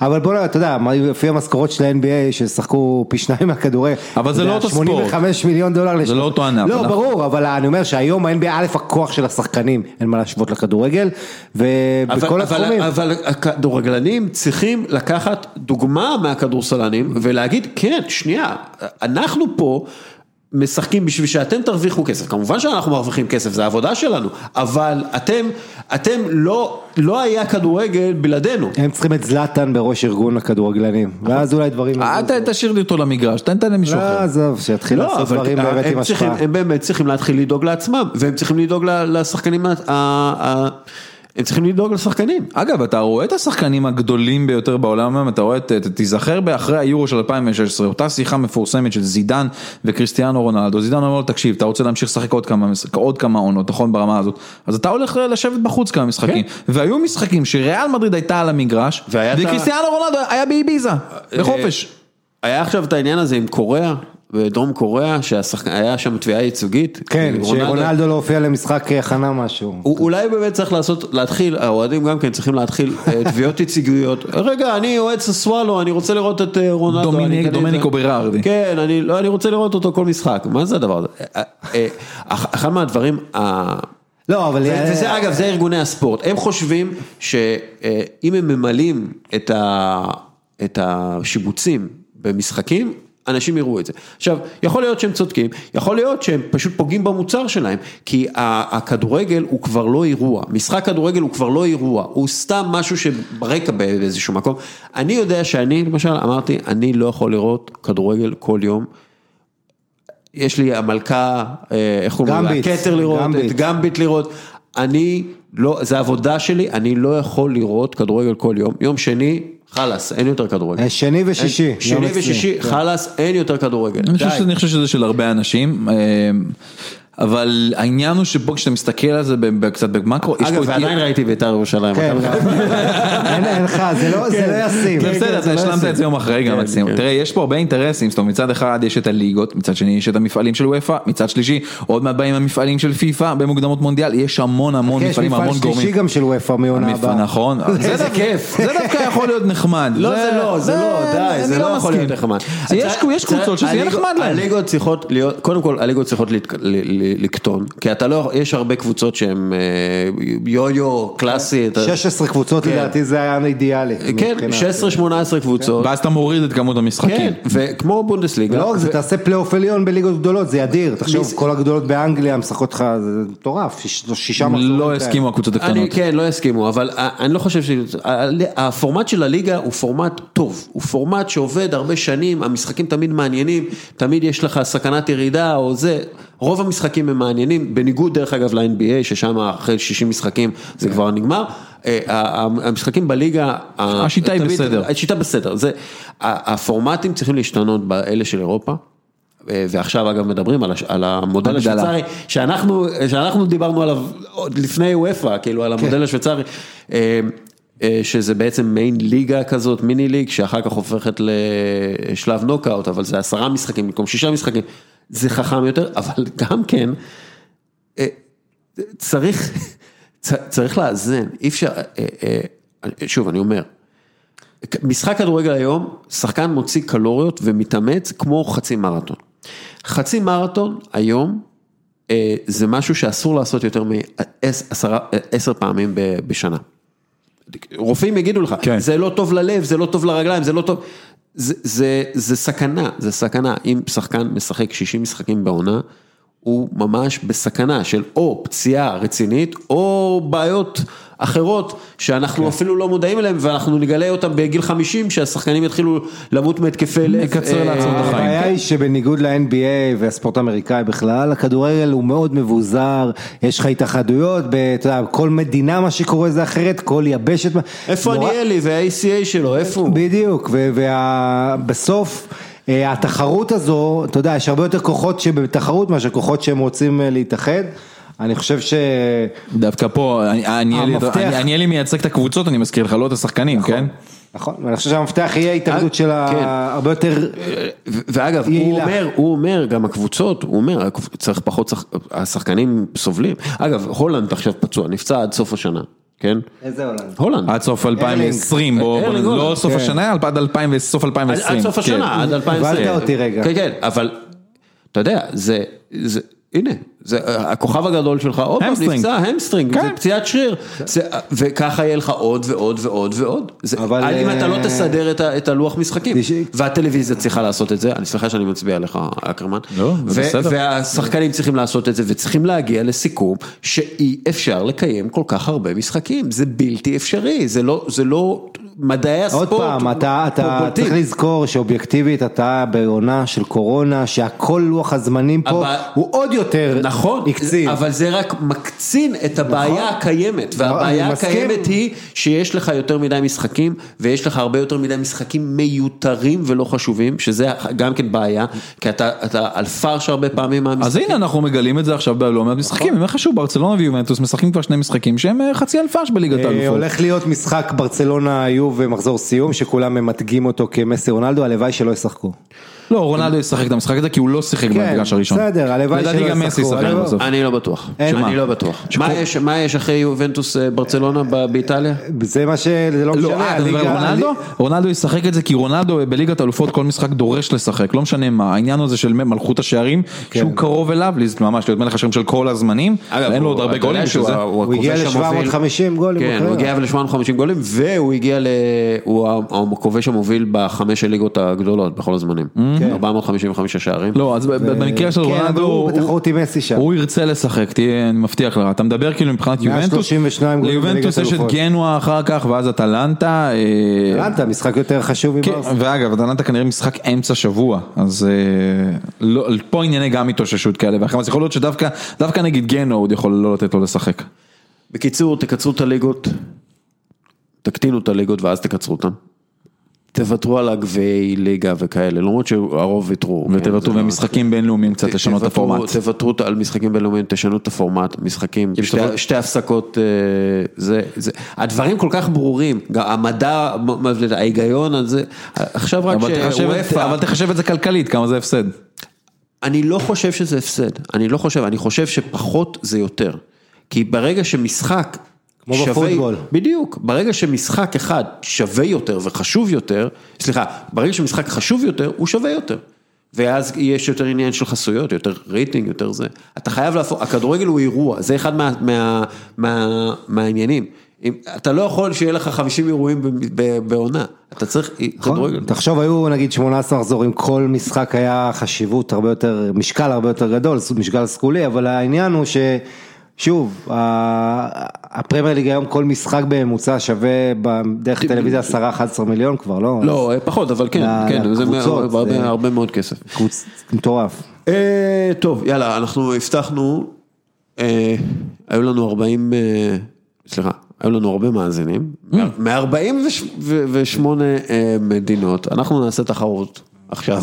אוקיי. 48. אה, תחרות, יואו, יש איזה כיף. עכשיו תקשיב, יש לך שתי שניות, אי אפשר לח- לחשוב יותר מדי. אוקיי. שתי שניות בין מדינה למדינה. בין מדינה למדינה. כמה מדינות? אה, לא, אתה- לא, לא, סוגר, הנה, סגרתי, לא, לא, סגרתי, סגרתי, הכל בסדר. אה. סגרתי את המחשב אגב, למי שלא יודע. בחסות קפה טורקי. אני אתחיל? כמה מדינות רצוף? שנייה, אני... רגע, לא, זה לא פייר, יש כאילו, מה זאת אומרת, פעם אני פעם הוא, אז הוא ידע את המדינות שאמרתי.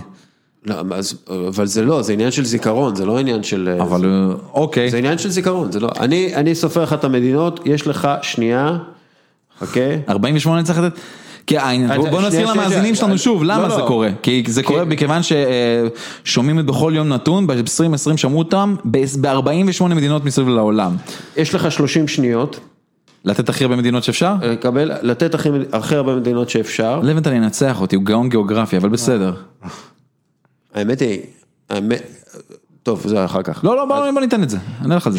שלוש, שתיים, אחת. ברזיל, ארגנטינה, פרו, בוליביה, קולומביה, אה, מדגסקר, גאנה, ישראל, אנגליה, גרמניה, איטליה, שווייץ, הולנד, נורבגיה, פינלנד, מלטה, לוקסמבורג, רוסיה, אוזבקיסטן, יפן, סין, תאילנד.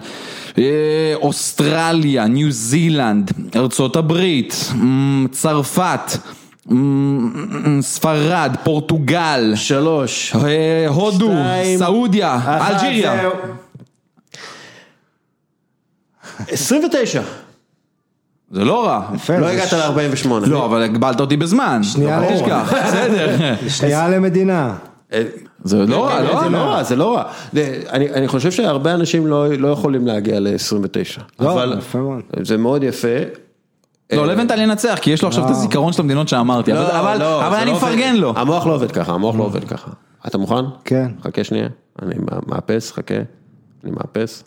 שלוש, שתיים, אחת. ישראל, לבנון, סוריה, ירדן, אה, מצרים, עיראק, איראן, אפגניסטן, אה, תאילנד, קמבודיה, לאוס, אוסטרליה, ניו זילנד, אה, רוסיה, סרביה, סלובניה, קרואטיה, גיאורגיה, קוסובו, אלבניה, מלטה, ונצואלה, קמבודיה, לאוס. אמרתי כבר הודו, סעודיה, אמרתי, זהו, מה גואם, שלוש, יאללה, בנואטו, ארה"ב קנדה. טוב, 34, זה מדהים, מדהים. לא, אבל אמרתי לך, יש יתרון, מה? יתרון קטן שאתה לא. אני רציתי לא לחזור על... הוא לא חזר, נכון, הוא לא חזר. ניסיתי לא זה. 34 מדינות, ויש לנו זוכה. טוב. עמית אז הוא לוינטל. זכה אבל בחידון של התחלת התוכנית, אז אתה יודע, אנחנו באחת אחת. אני, זה... לא, אבל אני, מאוד אוהב גיאוגרפיה. עכשיו, אבל בוא ניקח את כל המדינות האלה וניתן את ערי הבירה שלהם. אבל הבנתי את השיטה שלו. הוא, אני. לא הבנתי, הוא, הוא הלך למפה. גם אני, הלך למפה. התחלתי כן. עם דרום אמריקה, עברתי לאירופה, אחרי זה טיילתי קצת באסיה, חזרתי לאפריקה וארצות הברית, זה פשוט, הסתכלתי על המפה. כן, אבל אתה יודע, בשלב מסוים, אתה יודע, אתה לא יכול, כי זה, אתה הולך סביב ישראל. נכון. זאת אומרת, אם הייתי הולך, הייתי יכול מצרים, לוב, אתה סודאן, צ'אד, אני- ניג'ר אני, וזה. אני פעם הייתי יכול, באמת, ואני יודע, כי עשיתי את זה? וזה, גם מפה אילמת זה, זה לא בעיה בשבילי, אבל הייתי יודע, הייתי יכול להגיד לך את המדינה ואת הבירה. והייתי אומר את זה כאילו ברצף. לא, גם אני בירה נותן חזק ו- מאוד. ו- ודגל אני מזהה את כל הדגלים, זה לא, זה לא. בעיה, כן. זה, ושנים, דרך אגב, זה שנים שהיה לי מפה בחדר, עם כל המדינות נכון. וכל המפות. גם לי היה כזה. אבל זה, כל זה, הדגלים. אגב, זה- זה, זה הספורט עשה לנו, כן? שיהיה ברור. ברור, ברור, לגמרי, ברור. אתה היום מגיע לערים אה, שאף אחד לא מכיר בכלל. בווינגייט, שכחתי מי עשה את זה, עשו, עשו אה, בדיקה בקרב אה, ילדים, והילדים שאהבו ספורט ידעו גיאוגרפיה יותר טוב. ידעו זה, עכשיו, אתה יודע, אתה, קודם כל בתור ילד אתה נמשך לצבעים האלה של, בגלל זה זה מונדיאל זה נפלא, כל כך הרבה צבעים כן. ודגלים ואנשים שונים, אתה, זה מרתק אותך, אבל, ואחר כך אתה, כאילו, אתה, אז אתה יודע, אני, זה היה ברמה של, אה, אני יודע כאילו את הבירה של states בארצות הברית. כאילו, ש... כן. כאילו, אתה יודע, אני, אני יודע את זה, כאילו, ב-20 שאלות של הארץ, ישאלו אותי מה הבירה של קליפורניה, אני יודע, כאילו, זה לא בעיה. נכון. סקרמנטו. זה כן, בגלל זה אתה יודע, אני בתור מי שאוהב... אגב, NBA. אני בתור מי שצופה במוקדמות מונדיאל, כאילו כמעט קבוע, בדרום אמריקה, אתה יודע את הבירות, אתה מכיר. האמת היא, דרום אמריקה זה היבשת הכי קלה. אחד זה יבשת קלה, אין שם- נכון. שם מדינות כאילו. אחד הדברים שאני אוהב וממליץ למי שאוהב את העניין הזה, היום אתה יכול למצוא, יש את כל הקוויזים האלה. כן. נגיד, כן, כן. נגיד אני עשיתי קוויזים של אה, מפת ארצות הברית, אילמת, שאתה מזהה את כל החמישים מדינות, זה מאוד תורם גם למוח וגם לשיפור הידע, אז אני- אפשר לעשות את זה על העולם יש- בכלל. יש, אה, קוויז וגם דגלים אגב כן, יש, ואם אתה חושב שאתה יודע. את כל הדגלים, לך תעשה את החידון הזה. אז עשיתי, וברמה הכי גבוהה הגעתי לאיזה 99 אחוז בזה. מה, אני- אחרי כמה פעמים אבל. לא, לא כמה פעמים, אני באמת יודע, תקשיב, אני, שם אתה דגלים מכיר אותי, מטורפים, אתה מכיר אבל. אותי, נכון, כן. ברור, אני- אתה מכיר אותי, אני אובססיבי. כן. אני יודע את הדגל של סין של פעם, לפני, אוקיי. אני כאילו יודע איך הוא נראה, אתה מבין, כאילו,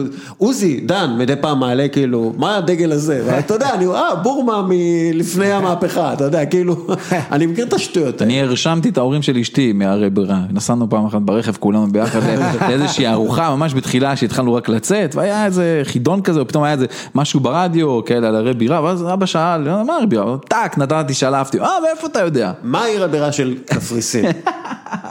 זה קשה. מה, כי זה לא ניקוסיה זה לימסול. כן. אה, כן.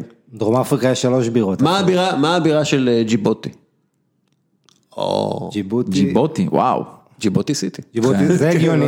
כן. אה, אתה יודע מה, מה הבירה של בורקינה פאסו? בוא נראה אותך. אה שיט, זה אני ידעתי, אני לא מזמן דיברתי על זה, אבל... וואגדוגו. כן, וואגדוגו, כן, זה זה שם, רציתי להגיד וואקמאמה, אבל לא רציתי. אבל אה, כן, יש... לא, יש את המכשילות, הקנברה והאוטאווה כן. והאלה, שזה כאילו לא העיר הגדולה, כמו אה, פה, אה, אבל אה, אני, כן, תשמע, זה טוב, אני חושב שהיה לי לא מזמן, טוב, אני לא, לא, זה, אבל כתבתי עם עמית סגל אה, מערוץ 2, 12, ו- והסברתי לו על הכדורגל, איך, ה- אתה יודע, איך, איך 11 על למדתי 11? מזה בגיל 12 כבר הכרתי את כל המפות של אירופה, של כן. המדינות, ידעתי איפה נמצאת כל עיר, אה, ותרבויות, מאכלים, מה אוהבים, ודרך הכדורגל פותח לך צוהר כזה נפלא לתרבות, שזה אדיר. אה, כן, והלוואי ואו-טו-טו אנחנו באמת נוכל לעשות איזה גיחה לאירופה ולראות משחק, אני מתגעגע לכדורגל התחתית של אנגליה, אני רוצה לראות את ווימבלדון אני בבית מתגעגע- החדש אני. מתגעגע אני מתגעגע לשירותים בול פגיעה בסנסירו. נתגעגע לקפריסין עם מיכה ואצילי. אבל שנייה, אתה היית פה באצטדיוני כדורגל, אתה כאילו הגעת, זה לא... כן, לא, אני. בקורונה, כאילו, ב- בקורונה? בישראל. לא שידרת מגזין? כן, ברור. כן. אנחנו, אנחנו משדרים באצטדיונים, יש לנו הוראות מאוד מאוד ברורות על התנהלות. אה, במגע, לא מגע עם שחקנים, בצורת ראיונות, אה, לגמרי, אבל באצטדיונים בארץ כן, הייתי כן. בארץ לא מעט. טוב, הייתי חברים, בנתניה פעם אחרונה. ובאולמות כדורסל. חברים, אם... נגד- אנדי רוברטסון וסקוטלנד. למאזין כן. ששמע במדינה 48 שלא הגענו אליה בתחרות הזאת, לא הגענו ל-48 היה קשה. היה קשה, אה, אם אתה בברבדוס, נפאל. נפאל, נכון, בטוח היה בנפאל, בטח. בטוח. אה, אם אתה בדקר, דקר, בראלי דקר, היית יחד עם אנדרס טלי וילש דקה זה בארגנטינה עכשיו. אה? אם אתה בניו זילנד או באוסטרליה, הראלי דקר בארגנטינה, איזה העולם הזה. כן. אה, אז אה, תגיד לנו באיזה מדי- באיזה מדינה הזויה אתה היית והקשבת לנו. מאוריטניה.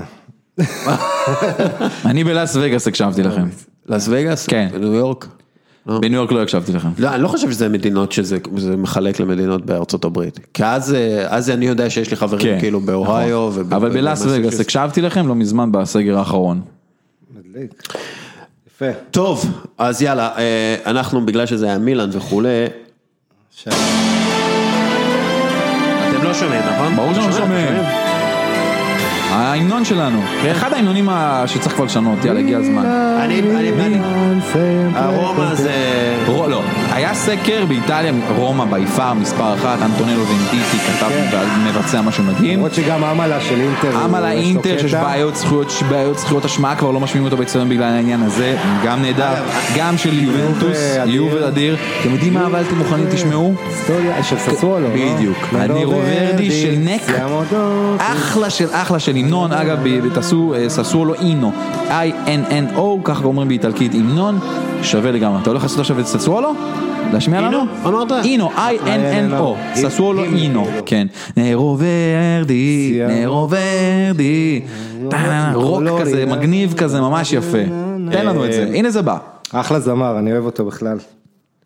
נק, נכון? כן, כן, כן, לגמרי. טוב, חברים. עם זה אנחנו נסיים, אה? זה נשמע 90's. כן. זה מגניב, זה כיף, נכון, נכון. זה גיטרה. יש לזה כיף, זה- יש לזה קטע. לא, זה נשמע... זה ההתחלה, כן. אינטרו מגניב יש להם. זה קצת... אה, זה לא גאנז קצת. רוזס. תעביר קצת חכה, קדימה. כן, הנה, זה תכף, אל תעביר, אל תעביר, תן. אוקיי, חברים. תודה רבה לעמית לוינטל. תודה רבה. תודה רבה לאסף אקרמן. על התופים! תודה רבה לעסק טעים על החסות לפירות הפרק. תודה רבה לקפה טורקי עילית על החסות לפרק. ותודה רבה לך, מאזין יקר, שנשאר עד הסוף. יאללה, ביי.